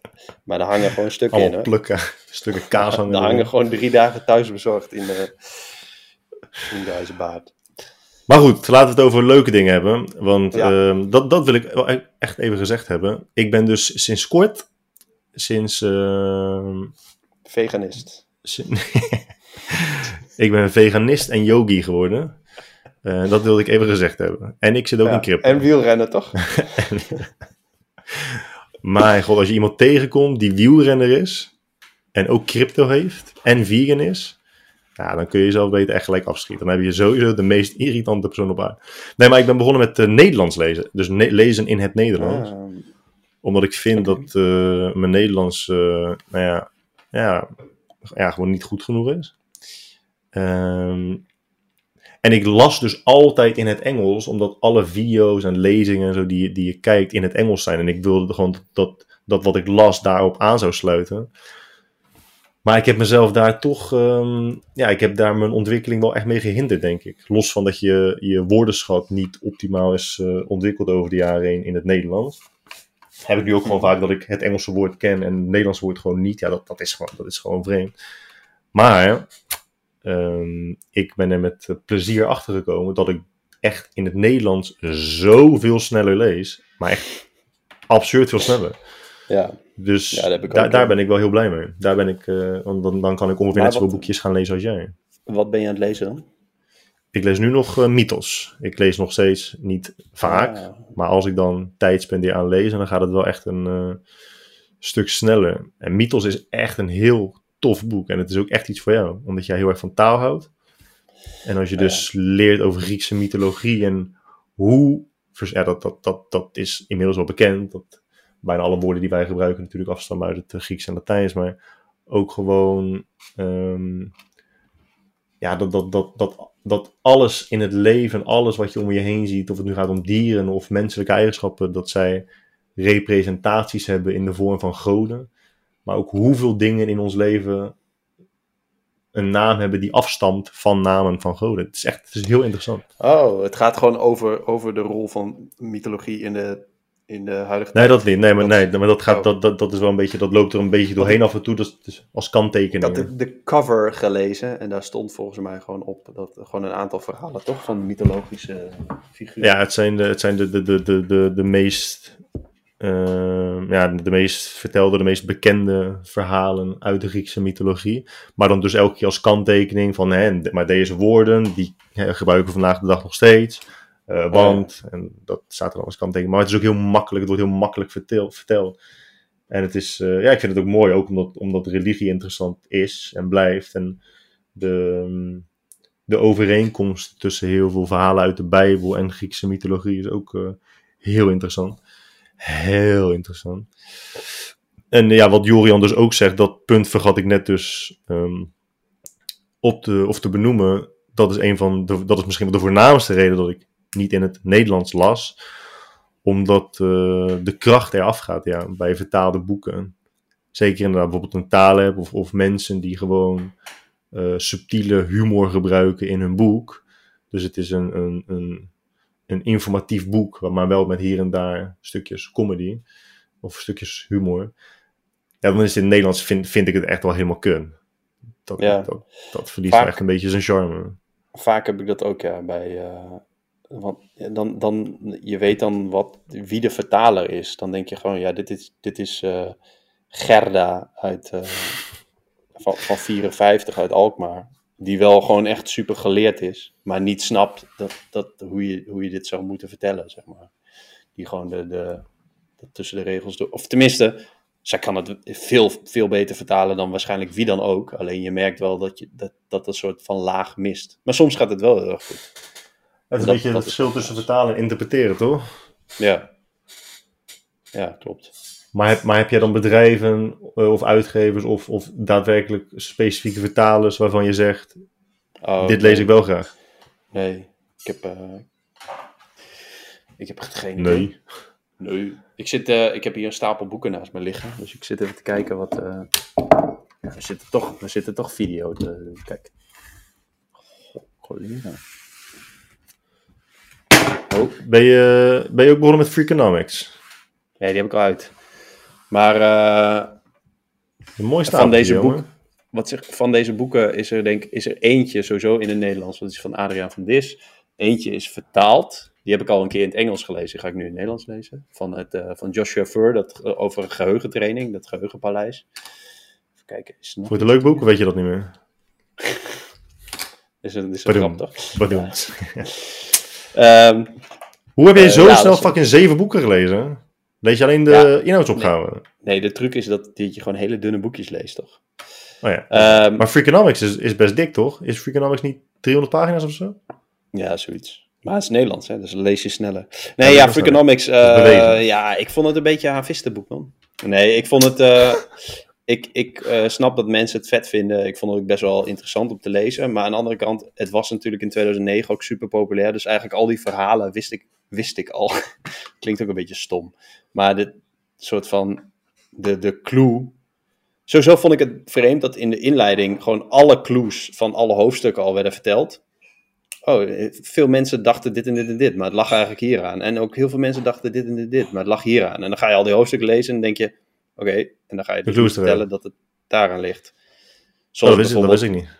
De, de, de daling in eh, criminaliteit, dat het te maken had met, eh met abortuswetgeving. Ja. dat, dat verhaal kende ik al. En het was al in de inleiding gezegd. En dan ga je het hoofdstuk lezen. En, dan, en toen dacht ik, oké, je gaat nu echt dit vertellen. En ja, dus dat, dat, Dat dat, is een beetje, dat is een beetje eh, zonde. Dus ja, maar ja, best wel, ja, wel redelijk, wel vermakelijk. Prima. Gewoon, gewoon leuk. Je hebt, je hebt in ieder geval een middagje kunnen vullen. Ja, precies. Ik moet ook zeggen dat ik dat boek heb gelezen toen ik... eh, Nog op de echt haven zat. Ja, precies. ik heb de haven nooit te mogen bereiken, man. Dat was altijd te hoog gegrepen. Ehm, nee, ik was wel echt heel jong. Het is echt, voor mij is dat een van de... Wanneer is het boek geschreven? Ja, volgens mij Volgens mij- 2009 of zo, 2010. Ja, volgens mij heb ik, heb ik het gekocht toen het echt net uit was. En ik weet nog dat ik het toen best wel interessant vond. Maar ik was ook echt niet bekend nog met eh, bepaalde eh, Nee, dat, dat heb ik wel meer, zeg maar. Het is niet zo dat ik, dat ik gewoon eh, een intellectueel ben geworden. Maar op een gegeven moment dan... Hier, je, ik heb wel echt een, een soort van... Hele specifieke onderwerpen vind ik dan heel erg vet. En vroeger vond ik bijvoorbeeld die, die boeken van eh, Malcolm Gladwell... Dat vond ik ook helemaal fantastisch. En ik weet zeker dat als ik nu Mark Manson weer ga lezen... dat ik het veel minder cool vond dan bijvoorbeeld zes jaar geleden. Omdat het gewoon... Ja, ik ben een soort van... ja, het mist diepgang. zijweggetjes ingegaan die ik zelf super interessant vind. En die ik alleen maar interessant vind omdat ik al die shit daarvoor heb gelezen. Dus het had ook Ja. niet anders gekund. En, en eh, ja. Maar je bent nu, eh, je bent nu een, eh, een zijweggetje ingegaan, namelijk stoned lezen, toch?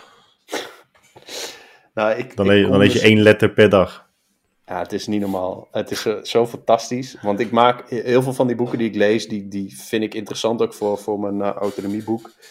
En eh, bijvoorbeeld laatst What Money Can Buy, een boek over, nou ja, over sommige dingen die niet, die, die wel vermarkt worden, maar wat gewoon een beetje raar is. En heel vaak Amerikaanse voorbeelden, want is, dat, dat is natuurlijk, in, in Amerika is zo'n beetje alles te koop. En, ehm, en vaak dan maak ik een aantekeningetjes of dan zet ik het op eh, post-its en dan eh, gebruik ik dat voor Dat is overzichtelijk, toch? op post-its. Ja? Nou, vind ik wel, omdat je dan de, je hebt een post-it, dus je moet de kern van je idee in zo heel weinig woorden op een post-it zetten. Dat vind ik wel handig. En je kunt ook heel snel er doorheen bladeren. maar jouw dus, stapel eh, was zo dik dat het godverdomme op een Rubik's Cubus leek. Nee, valt wel mee. Ja, Dat is 17.000... Nee, dit zijn gewoon een paar aantekeningen. Eh tien of zo. Maar eh, goed, eh, toen ging ik dus de Stoned lezen. En dat, maar dan ga je gewoon, tenminste ga ik, ga ik gewoon echt allemaal zijwegen in. Dan lees ik inderdaad drie, drie hoofdstukken. En dan denk ik, wow, yo, deze hoofdstukken zijn zo vet. Dan ga ik allemaal verbanden leggen en allemaal, dan schrijf ik hele dingen vol. Dus ja, dat was weer een nieuwe, nieuwe ervaring. Dat was wel helemaal mooi. Ik weet niet of ik dat... Het zou zo Ja, mooi zijn als jij een keer een hele bad trip he- hebt. En dat je opeens een complottheorist wordt. En dat we opeens gaan podcasten. En dat je zegt, zo guy, ik, heb, ik weet eindelijk wat de waarheid is. Ja, Maar, ja het zou best kunnen. Nee, Maar moeilijk- maar wat ik wel heb, is eh, ehm, dat ik toen een keer ehm stoned heel goed na ging denken. Of heel goed. Ging ik gewoon heel veel nadenken over religie en zo. En dat, ik vind dat nu wel echt een super interessant onderwerp. Ehm, niet dat ik religieus ben of zo, maar ik snap, ik snap wel echt steeds beter waarom mensen religieus zijn. En waarom religies zo groot zijn. Eh, waarom die ook echt waarschijnlijk nooit weg zullen gaan en zo. Dat, dat vind ik vet interessant. En dat is wel, eh, denk ik, door een soort van ja, een, een joint veroorzaakt. Maar misschien was ik er anders ook wel gekomen. Maar dat vind, dat vind ik wel interessant. Ja, ik vind het ook een interessant onder- onderwerp. En het is eh, een beetje een kip en het ei verhaal af en toe. Bijvoorbeeld met Sam Harris. Sam Harris stelt natuurlijk vaak dat je geen, eh, dat je ook zonder religie eh, moraliteit ontwikkelt. Omdat je gewoon in de samenleving ziet oh, welke eigenschappen leiden tot het floreren van samenleving en welke eigenschappen niet. En dat is, het is best duidelijk als ik nu op straat ga, bij mensen ga, ga neersteken. Ehm, ja, dat, dat is nou niet echt heel erg gunstig voor samenlevingen. Dus we, we weten ook gewoon wel instinctief of intuïtief wat moraliteit is of zou moeten zijn en hoe je je zou moeten gedragen in de wereld. Dat is zijn argument vaak. Maar, en dan krijg je dus meer eh, de, de Jordan Peterson argumentatie, dat ondanks dat dat waar is, kun je inderdaad gewoon niet ontkennen wat de psychologische significantie is geweest van religie tot nu toe. En als jij leeft in een wereld waarbij niets duidelijk is, je hebt geen enkele vorm van zekerheid, je weet nog niet eens precies wat het bewustzijn is, dat weten we nu ook nog niet, maar dan, toen wist je echt gewoon helemaal niet. Je begreep echt helemaal niets over niets. Ja, dan is het zo ver gezocht om na te denken over moraliteit en hoe ga je je karakter invulling geven en hoe moet je je gedragen. Dan is het zo makkelijk als je gewoon een rolmodel hebt. En ja, wie is een beter rolmodel geweest dan Jezus? Nu Ja, klink ik echt heel gelovig, maar ik ben dus niet gelovig. Ik heb dit boekje. Maar goed, het is inderdaad een interessant onderwerp. Wat heb jij van onze vriend eh, Karel Jaspers. Oh, nice. Maar kijk, dit is dus waarom ik zoveel boeken lees. Is het Nederlands of Engels? Nee, Engels. 100 pagina's. Maar het zijn wel kleine lettertjes. Hier. Maar gewoon. Dat is wel kloten van, van op Amazon boeken kopen in tegenstelling tot, tot bijvoorbeeld bij de kringloopwinkel of in een gewone winkel. Dat je niet eventjes kan kijken of het een beetje lekkere lettertjes zijn. Want dit zou ik in een winkel nooit pakken. Dat is Ja, gewoon dat, is wel, kloten. dat is wel intens. dat je denkt, oké, er staan sowieso 6000 woorden op één regel. en je hebt, die- je, hebt hier niet, je hebt hier niet een beetje ademruimte en zo. Geen marge. Nee, dat is, dat is wel kloten. Maar goed, Te weinig pixels aan marge. ja, Maar het wordt dus eh, geen. eh, je gaat dat niet eh, standaard doen nu, stoned lezen. Want je bent gewoon mentaal. Zo, moet je niet een keertje gaan experimenteren met LSD en zo? ja eigenlijk, eigenlijk wel. Ja, Lijkt me, ja, dat lijkt wel vet. lijkt me wel echt wel vet. wat, wat Michael toen ook vertelde, ook in de podcast. Die, die microdosering, ik hoef, niet, hoef niet per se dat een maand lang te doen. Maar ja, dat lijkt me, dat lijkt me wel echt interessant. Ehm, Nou, gaat- ik denk niet dat jij gaat moet namelijk- microdoseren. Ik denk dat jij gewoon eh, een volledige, de volledige dosering moet, eh, moet nemen. En even gewoon een stoofpotje van, eh van paddo's. En dat je ook gewoon even je handen van het sturen los kan laten. En gewoon jezelf overgeeft aan de eindeloze creativiteit en diepgang en kleuren van het brein van Jelmer de Boer. Ja, Dat is een mooi dat zou compliment, toch hè? mooi zijn. Ja, precies. Dat is een mooi compliment. Heb je daar een geluidje bij? Ik zou wel die... eh, ik zou wel die planten weghalen van eh, die wereldkaart. Want ik denk dat, Want je dat gaat, die, dat gaat niet goed. die gaan op je afkomen, denk ik. Nou ja. ja, misschien moet ik even een witte ruimte eh, fixen ergens. Volledig wit, een isoleercel. Heb je al gevaccineerd? Wanneer is jouw... jouw, jouw 23 vaccinatiedatum. juni. 23 juni. Oh, het gaat over, eh, over eh, LSD en we verliezen direct kijkers. Ja, mensen moeten, hebben ook iets te doen. Hè. Het is ook kwart over zeven. Of kwart over avondeten? Ja, precies. Tijd om avondeten. moet opstaan. Eh 23 juni. Jij dan? Wij hebben de eerste op 27 juni, dacht ik. En de tweede op 8 augustus. Hmm. Dus eh, ja. Maar eh, zou je wel laten vaccineren? Mijn moeder zei het, hè. Mijn moeder zei, Guy, je moet wel goed nadenken over je, of je wilt eh, laten vaccineren. Want er zijn echt heel veel mensen aan eh, overleden. Ik zei, maar er zijn echt misschien 350 mensen overleden nadat ze een vaccinatie hebben gehad. Dat is nog niet met zekerheid te zeggen dat ze dan zijn overleden door het vaccin, maar ze zijn in ieder geval overleden nadat ze gevaccineerd zijn. En er zijn ongeveer 2,5 miljard mensen gevaccineerd, hè, maar. Dus dat is echt 0,00005 procent. Zijn er alweer 2,5 miljard gevaccineerd? Ja, echt miljarden, ja. Oh, ik dacht dat, er, dat, dat iemand tweette gisteren dat er 5% van de wereldbevolking was. Nee, ik dacht dat het echt heel veel was. Of ik las het helemaal verkeerd. Ehm Dat is, dat is eh, 300 miljoen. nee, er zijn toch wel echt wel veel meer dan 300 miljoen mensen gevaccineerd. I don't know. Ehm, oh nee, ja, nee, moest- nee, nee, nee. Oh wacht. Nee, oké, dat, kijk, dat is het. Er zijn, er zijn 2,2, 2,26 miljard doses given, maar fully vaccinated, dus dat je je twee eh, prikjes hebt gehad, is 480 miljoen. Dus de, Ja. het percentage van fully vaccinated mensen is 6,2 procent. maar goed, hoe dan ook, het is, het is dus gewoon grappig dat de de kans dat je doodgaat aan COVID is al heel klein, maar de kans dat je doodgaat door het vaccin is nog veel, echt veel kleiner. Dus de kans dat je doodgaat aan corona is groter dan doodgaan aan het vaccin. En dat mensen nog steeds het vaccin niet nemen, omdat er een kans bestaat dat je eraan doodgaat. Dus wel corona Ja. riskeert en een grotere kans hebt op doodgaan. Maar je weet de lange termijn effecten niet, Guy. Dat weet je niet. Nee, dat is waar. Het zou zomaar kunnen zijn dat we over een paar jaar blind zijn. En had ik dat verteld dat die, dat die taxichauffeur in, eh, in Dubai dat zei? Ja, dat is, het is ook zo mooi. We zitten in een taxi in Dubai en die gozer die, eh, ehm, die pakt zijn telefoon en die heeft letterlijk een, gewoon een JPEGje openstaan met, ehm, met een, een foto van een arts. En dan staat er ook gewoon bij dat deze bekende arts heeft gezegd dat Het, zijn ook, het twee was jaar... waarschijnlijk ook niet zo'n hoge kwaliteit, JPEGje. Om- om- Omdat Nee, op nee, een inderdaad- manier is het altijd uitgeprint en weer gefotografeerd en eh, gecompressed. Dat soort dingen. Dat, dat, dat, was het, dat was het ook echt, ja, oprecht.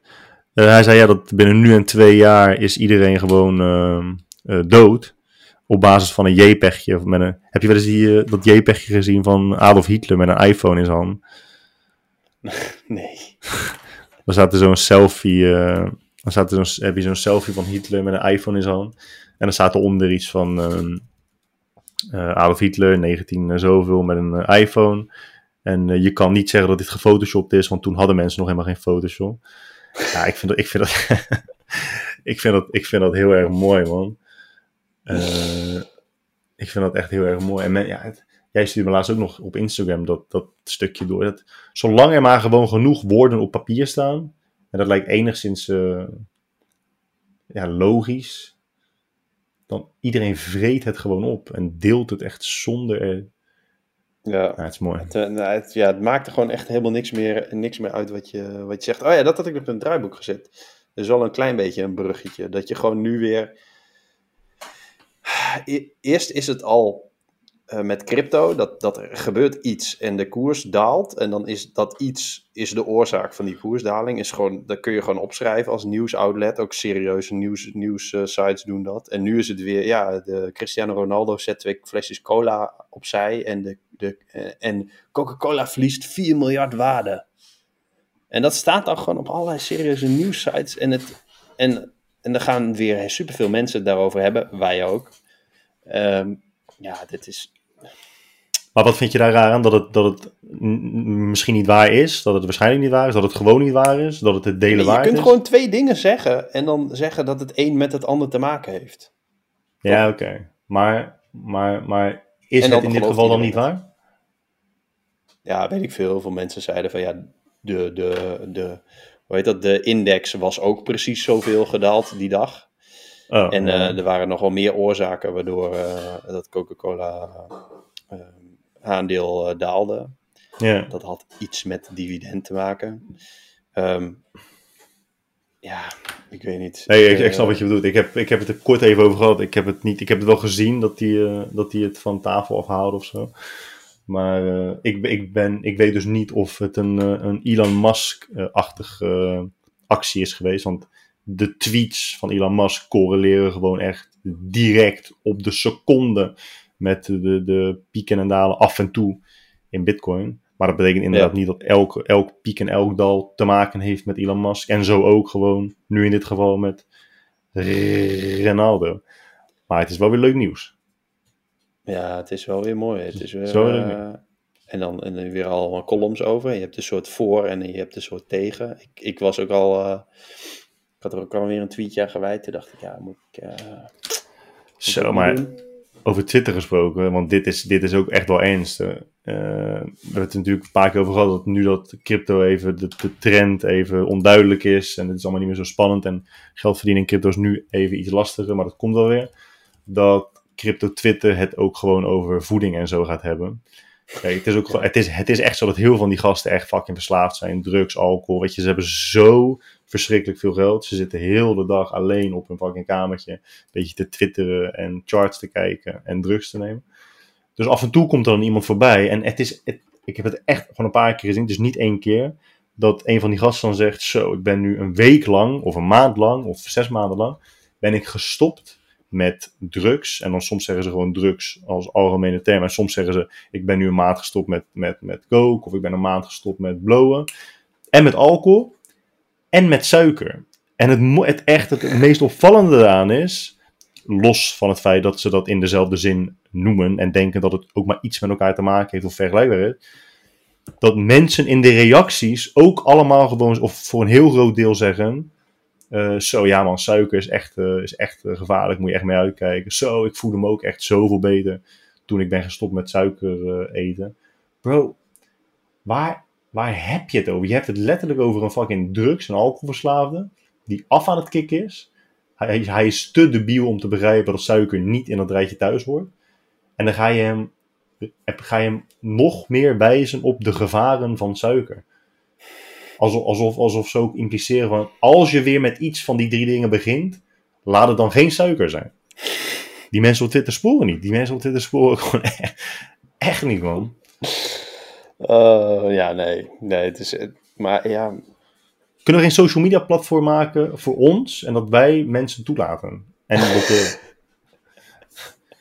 Waarom? Is, dit, is dit niet een wetmatigheid? Uiteindelijk zijn er altijd twee of meer dudes die met elkaar aan het praten zijn. En altijd is de oplossing een soort van dorpje in een bos bouwen waar gewoon alleen mensen mogen komen die chill zijn. Ja, gewoon een besloten community. Dat zou echt heel nice zijn. Gewoon de, de, de P en ui social media. Ja. Dat zou echt heel nice zijn. Ja, dat, dat zou uh, fantastisch Nee, maar uh, ik, ik, ja, ik moet zo lachen. Ik, zat, ik zit ook in zo'n uh, zo'n Telegram chat en dan ging het ook weer over dat, dat, het gevaar van melk en zo.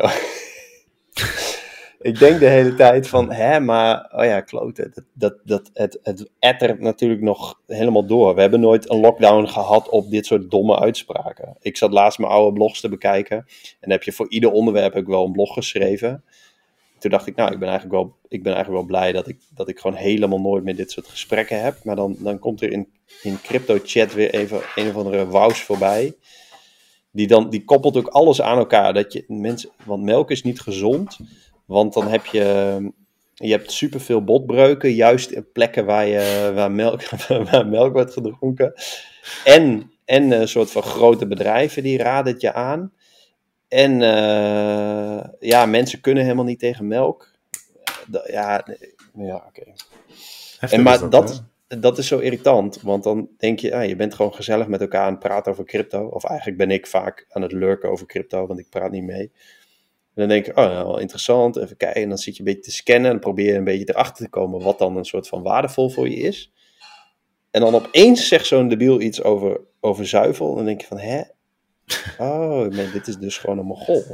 En het bestaat nog steeds. Je hebt, je hebt inderdaad gevoelsmatig, heb je dat, is dat wereldje niet alleen achter jou, maar achter ons allemaal. Dat is gewoon, het lijkt alsof het tot het verleden behoort. En dat mensen gewoon niet meer zo denken.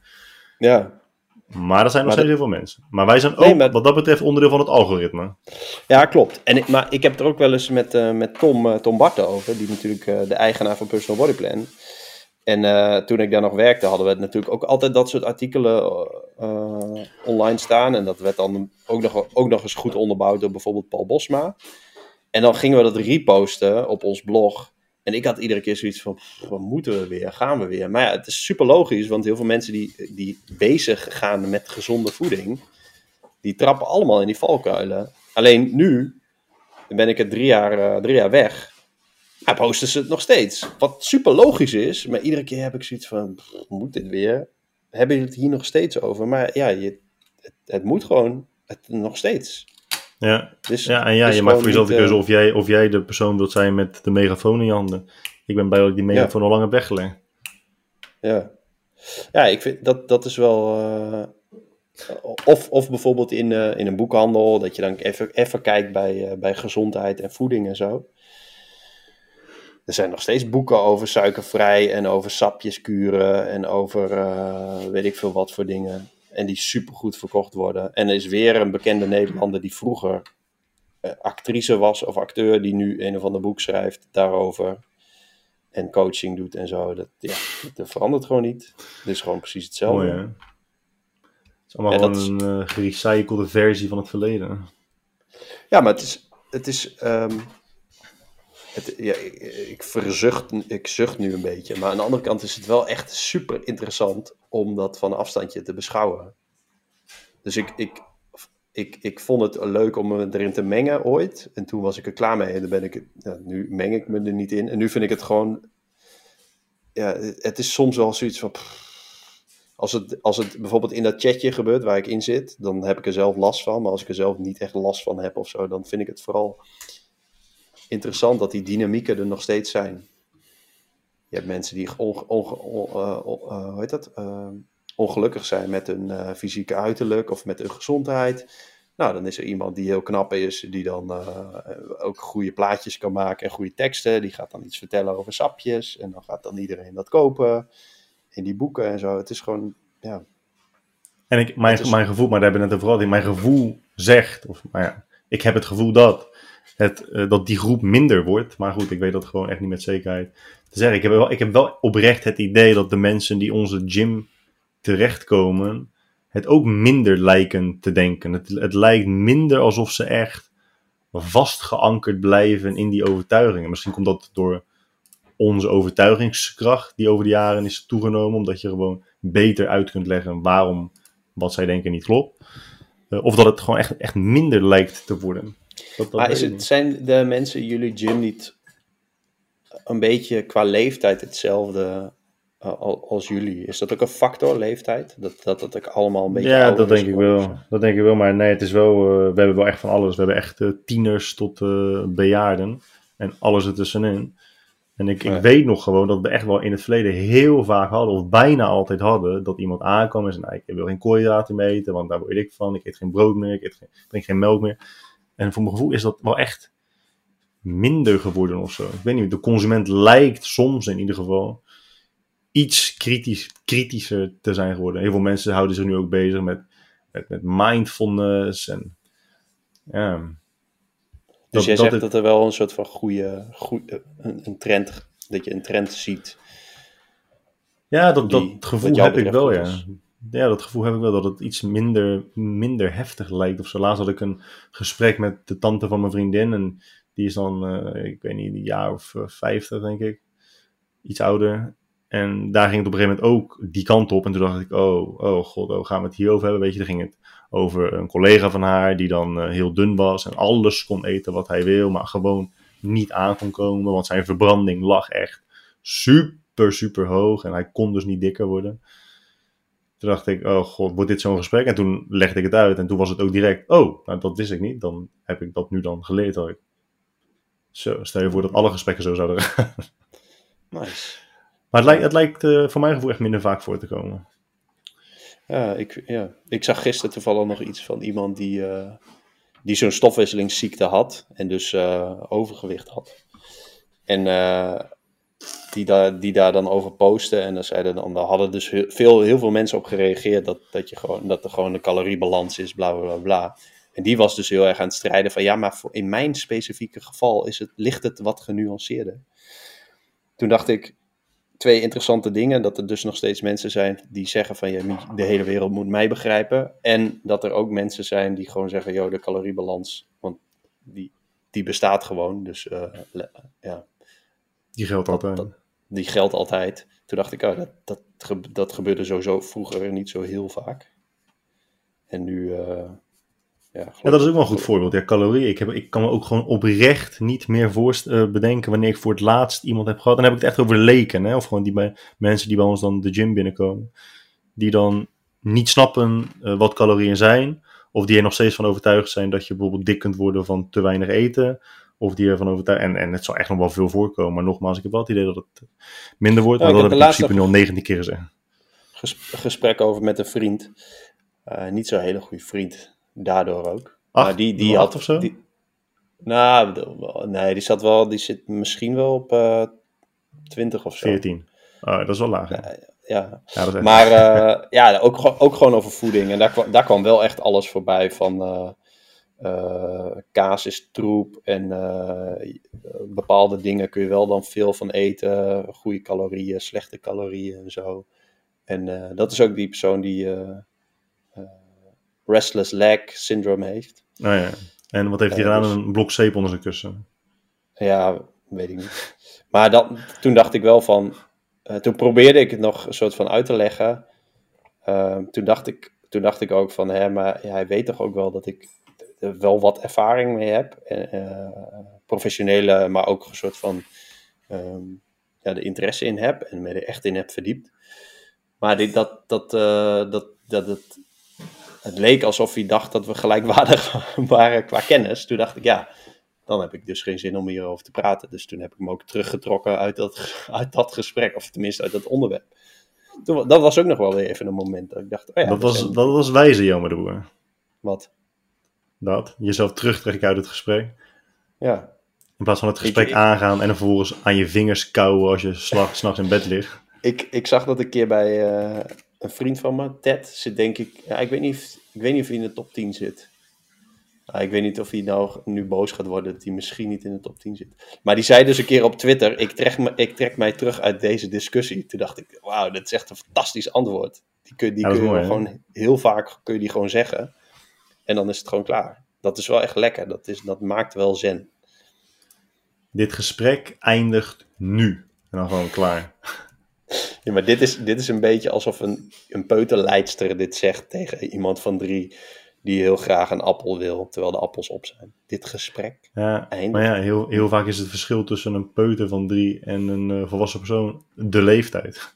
Ja, Dat, want je, je, je had het dus net over restless legs en dat schiet me dan wel weer te binnen. En dat ik dus zei op blok C, we hadden dus wel iemand in de gym die had het over restless leg syndrome.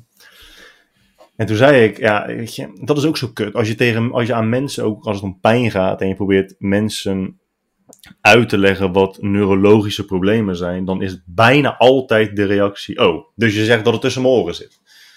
Nou ja, ja, ja en nee. Ja, probeer je ja, uit te leggen zo- wat het, zo. probeer uit te leggen wat het, wat het inhoudt.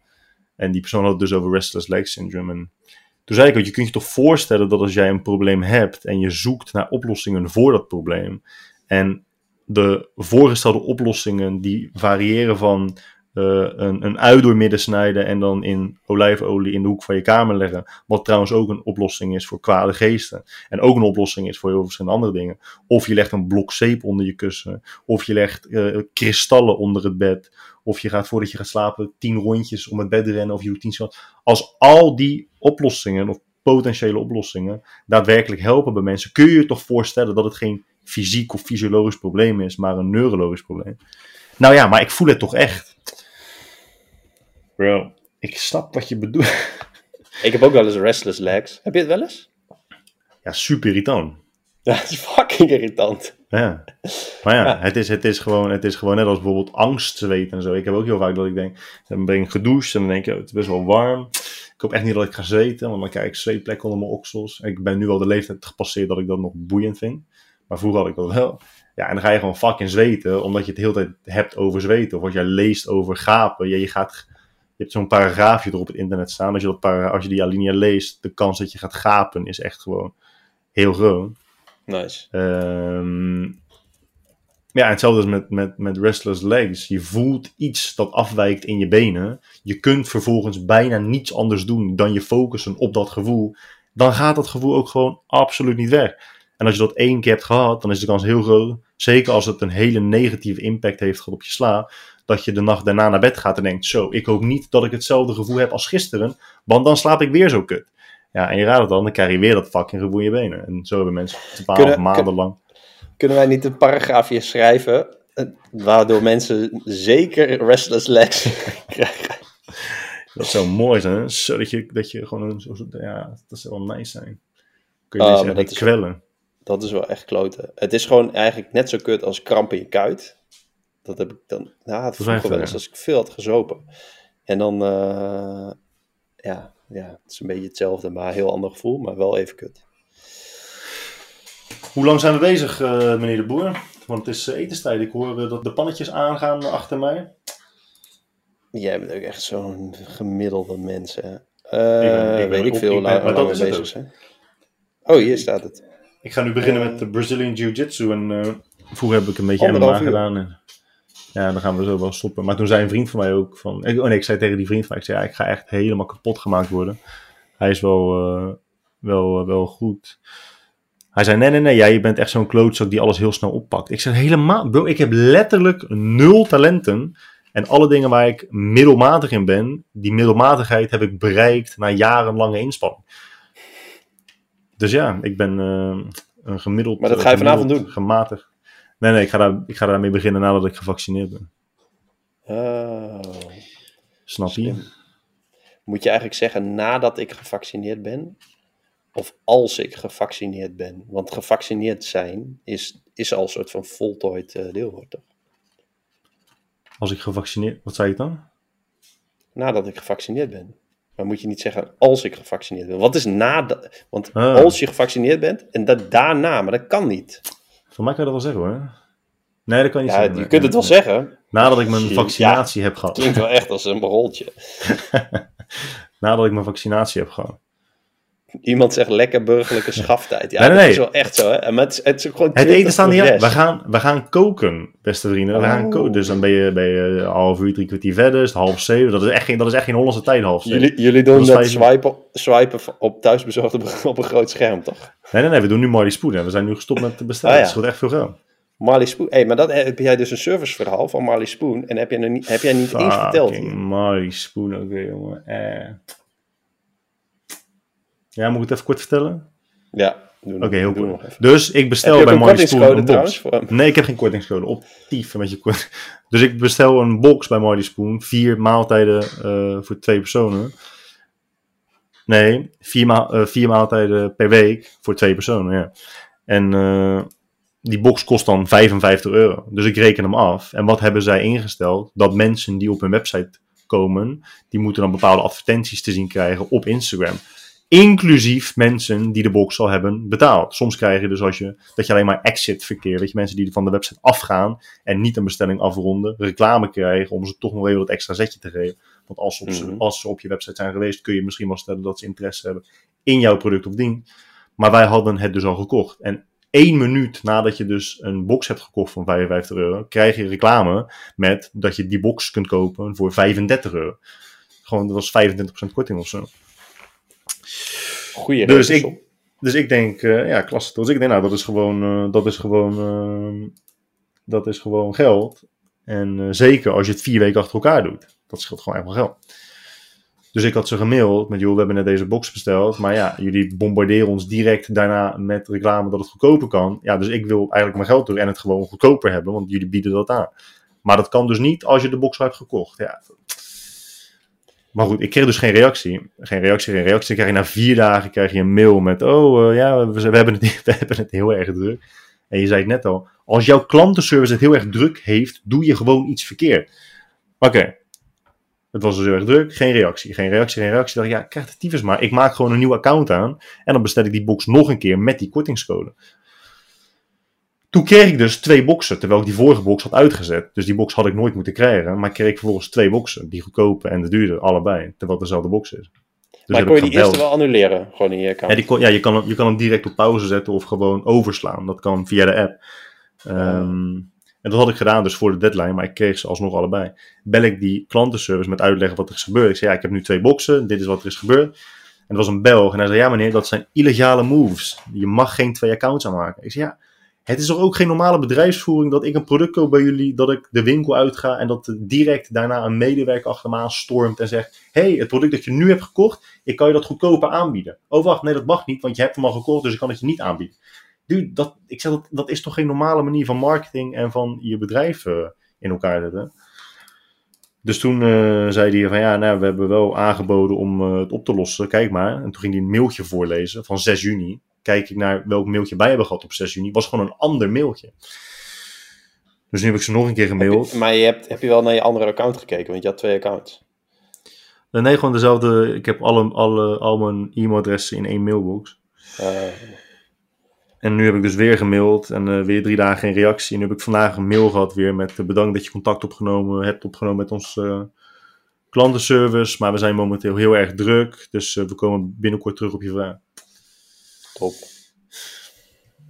Is gewoon, is gewoon raar. Moet je, denken dat, moet je denken dat iemand mij belt via onze website. Hey guy, ik heb interesse in personal training. Ja, is goed, kan. 65 euro top, doen we. En dat echt een dag later dat Doan belt. Hey, gozer, wil jij personal training voor 30 euro? Dat kan gewoon.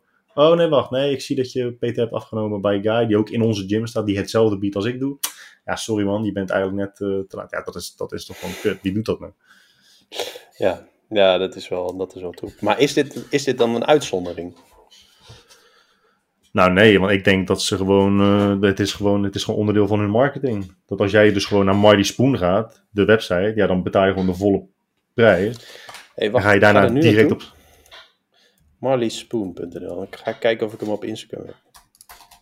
Cookies accepteren, stacking even. Hey, stacking, nice. Ik heb al uh, sats gekregen hoor. Stacking. Mensen doen het gewoon nog steeds niet. Hè? Het is echt bizar. En ik heb nu, ik heb nu in twee weken 20 euro zo teruggekregen. Ja, nice. En dat is binnenkort is dat 2000 euro waard. Binnenkort is dat 2 miljoen, ja. ja. Ja, lekker. Nou, en Molly Spoon, ik ga even kijken, want ik, uh, ik ga even, even kijken. Dan ga ik net doen alsof ik misschien een box wil. Start nu. Ja. Oh, ik vind deze wel interessant. Select. Postcode.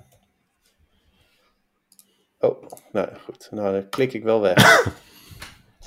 ben benieuwd. Kijken of, het, uh, of je het binnenkrijgt. Maar uh, ja, ga jij lekker je, hoe heet het, je hutspot maken? Wij eten vandaag, nee nee, we eten Caribische zalm met perzik salsa en bulgur. Dat is echt lekker man. Gisteren hadden we glasnoedels oh, met knoflookkip. Wat, wat is dit voor fusion dan? Caribische Dit is Marty Spoon. Het is lekker hoor. Zalm met echt. Ja, okay. dat is lekker. Is lekker.